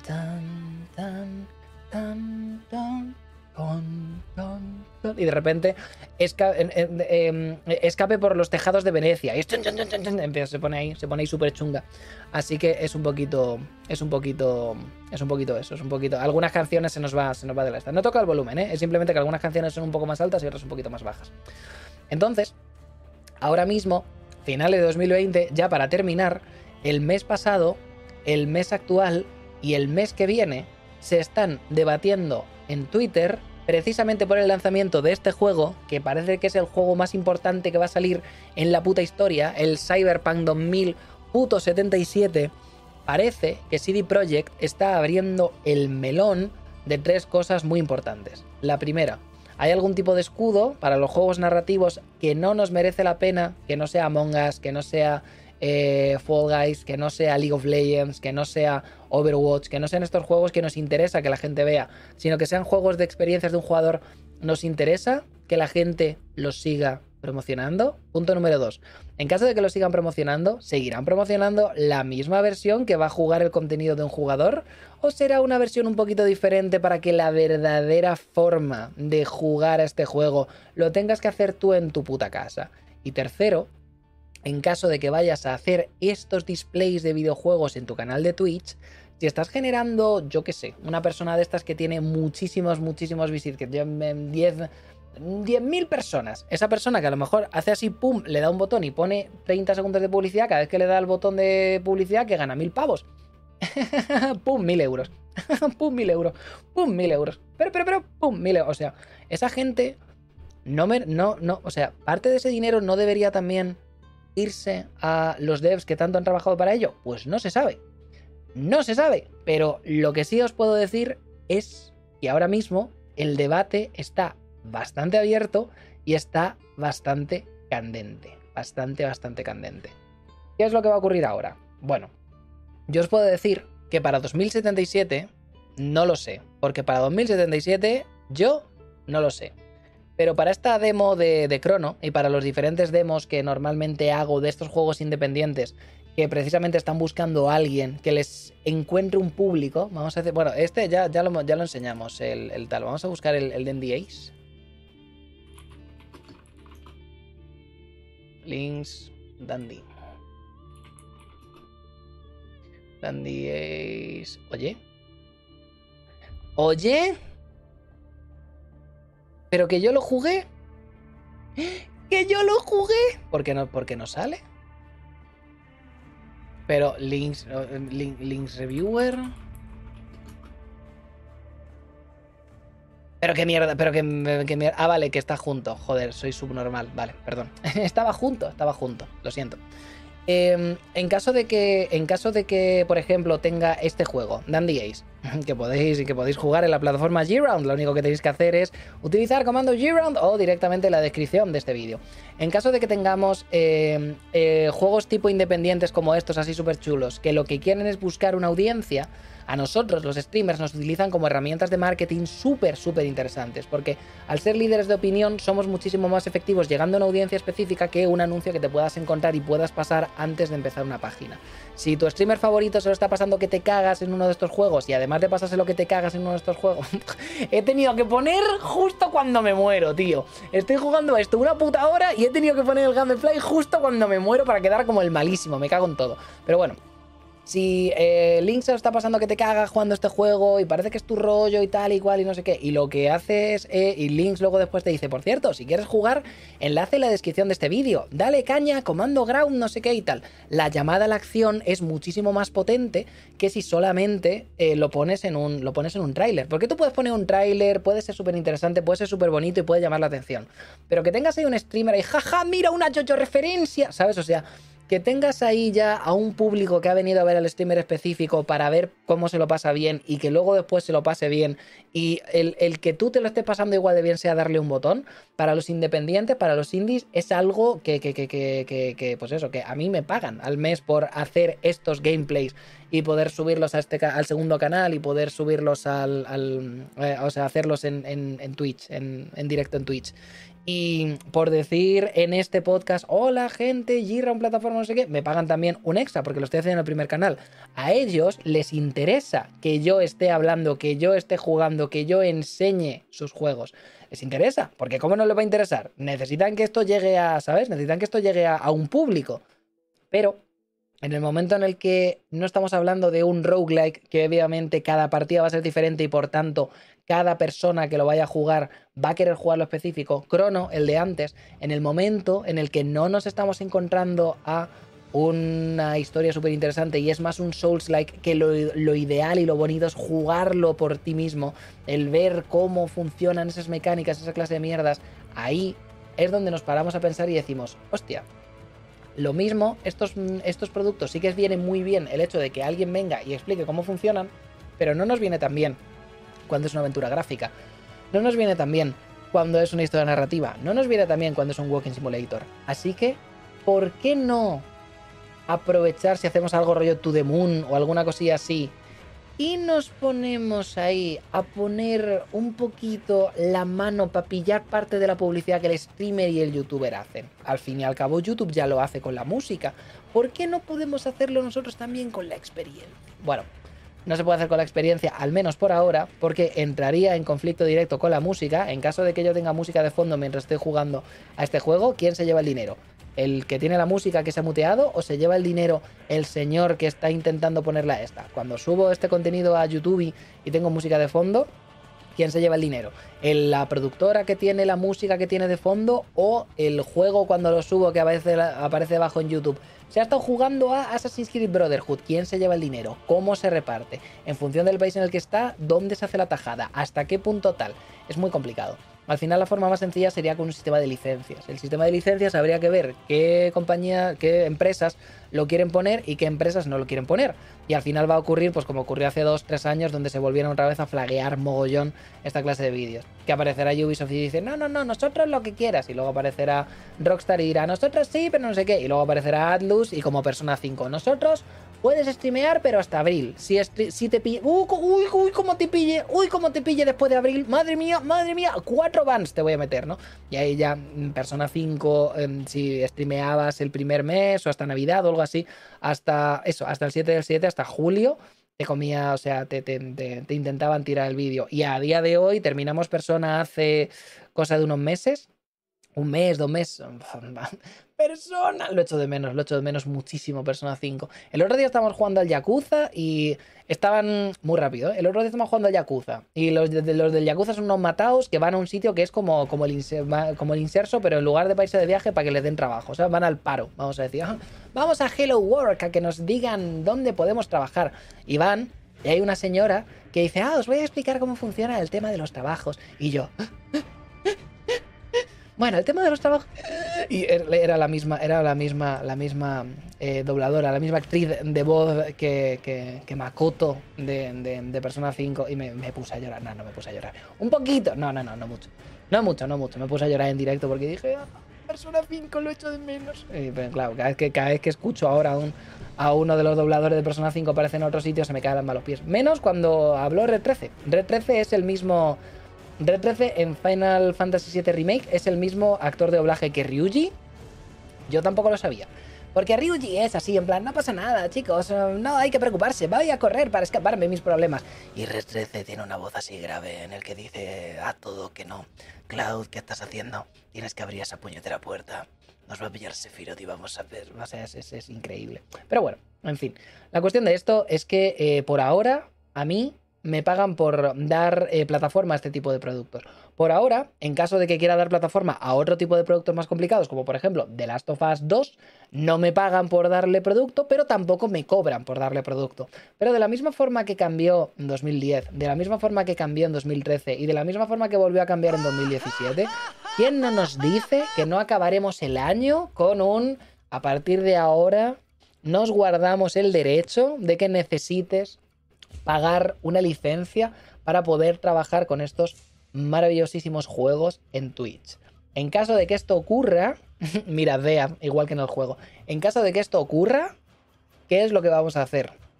Comernos un garrón, ya os lo digo yo. Yo, yo, al menos comerme un garrón, hacer IRL, hacer IRL y podcast eh, el resto de mi puta vida, porque fatal como tenga que estar pensando en cómo pagar o en cómo dividir o en cómo adquirir licencias, con lo que tardo yo en pasarme un juego, que a lo mejor estoy un mes, ah, no, vamos a jugar Yakuza y vamos a jugar cuatro horas a la semana, que tampoco está mal cuatro horas a la semana, ¿eh? Pero no soy de estos streamers que dicen, ¡buah! 12 horas de Yakuza hoy, ¿sabes? O sea, como tenga que estar renovando la licencia, me como un garrón, así que a la mierdísima. Pero bueno, es cuestión de ver un poco cómo va evolucionando el mercado y ver un poco si ya 2020 no solamente vamos a estar con lo que estamos, sino que va a terminar, vamos a decir, por encima de todo con este terrible, terrible, terrible diagnóstico de que el fin del gameplay se avecina de nuevo, otra vez, como tanto se avecinó hace tanto, tanto, tantísimo tiempo.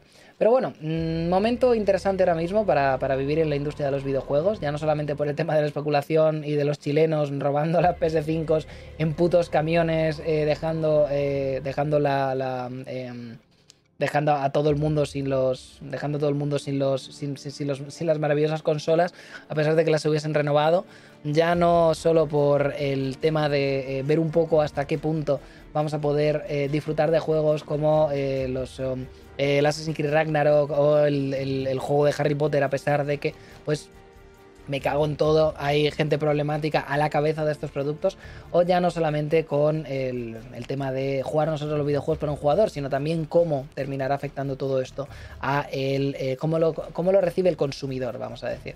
Porque en el momento, imagínate que juntamos el segundo y el tercer tema. Si tú sabes que no quieres pagar el juego de Harry Potter para no dar más dinero, pero que si Lince está jugando el juego de Harry Potter, significa que ha comprado una licencia y por tanto cada puñetero euro que se genere con esa publicidad le está llegando también a Rowling, hostia. hostia, ahí ya el consumo responsable se multiplica por dos, ¿eh? Ojo, cuidado. Entonces, yo lo único que puedo decir es virgencita, virgencita, que me quede como estoy, ¿no? Maravilloso refranero, no sé si español o latinoamericano, pero me lo apropio, como el oro.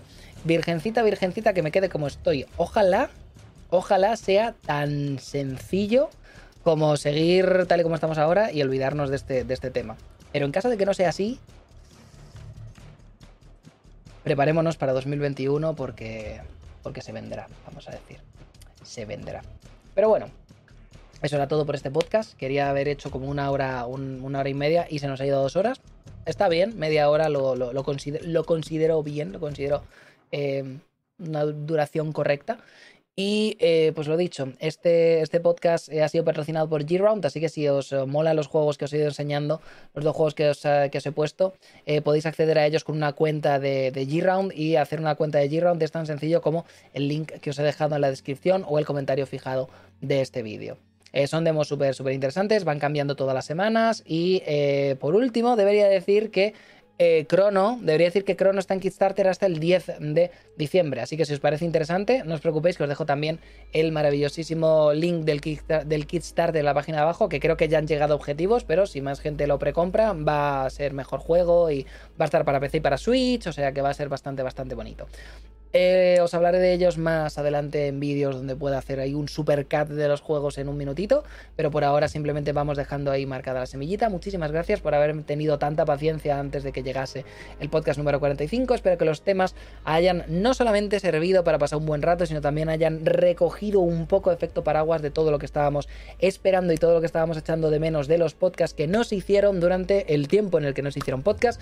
Y de aquí a dentro de una semana y media, dos semanas, volveremos otra vez con otro antes de que acabe el mes de diciembre. Así que muchísimas gracias. Recordad también que si lo estáis viendo cuando sale, estoy ahora mismo prácticamente jugando Assassin's Creed Syndicate. Así que si estáis jugando, si estáis siguiendo la saga de Assassin's Creed, estoy ahí en Twitch ahora mismo preparándome para pues eh, darle, darle caña a los londinenses. Este Assassin's va a ser el único que vamos a jugar en versión original. Porque necesito, necesito escuchar la voz de los Inbreds británicos siendo inbreds británicos. Así que nos lo pasaremos maravillosamente bien.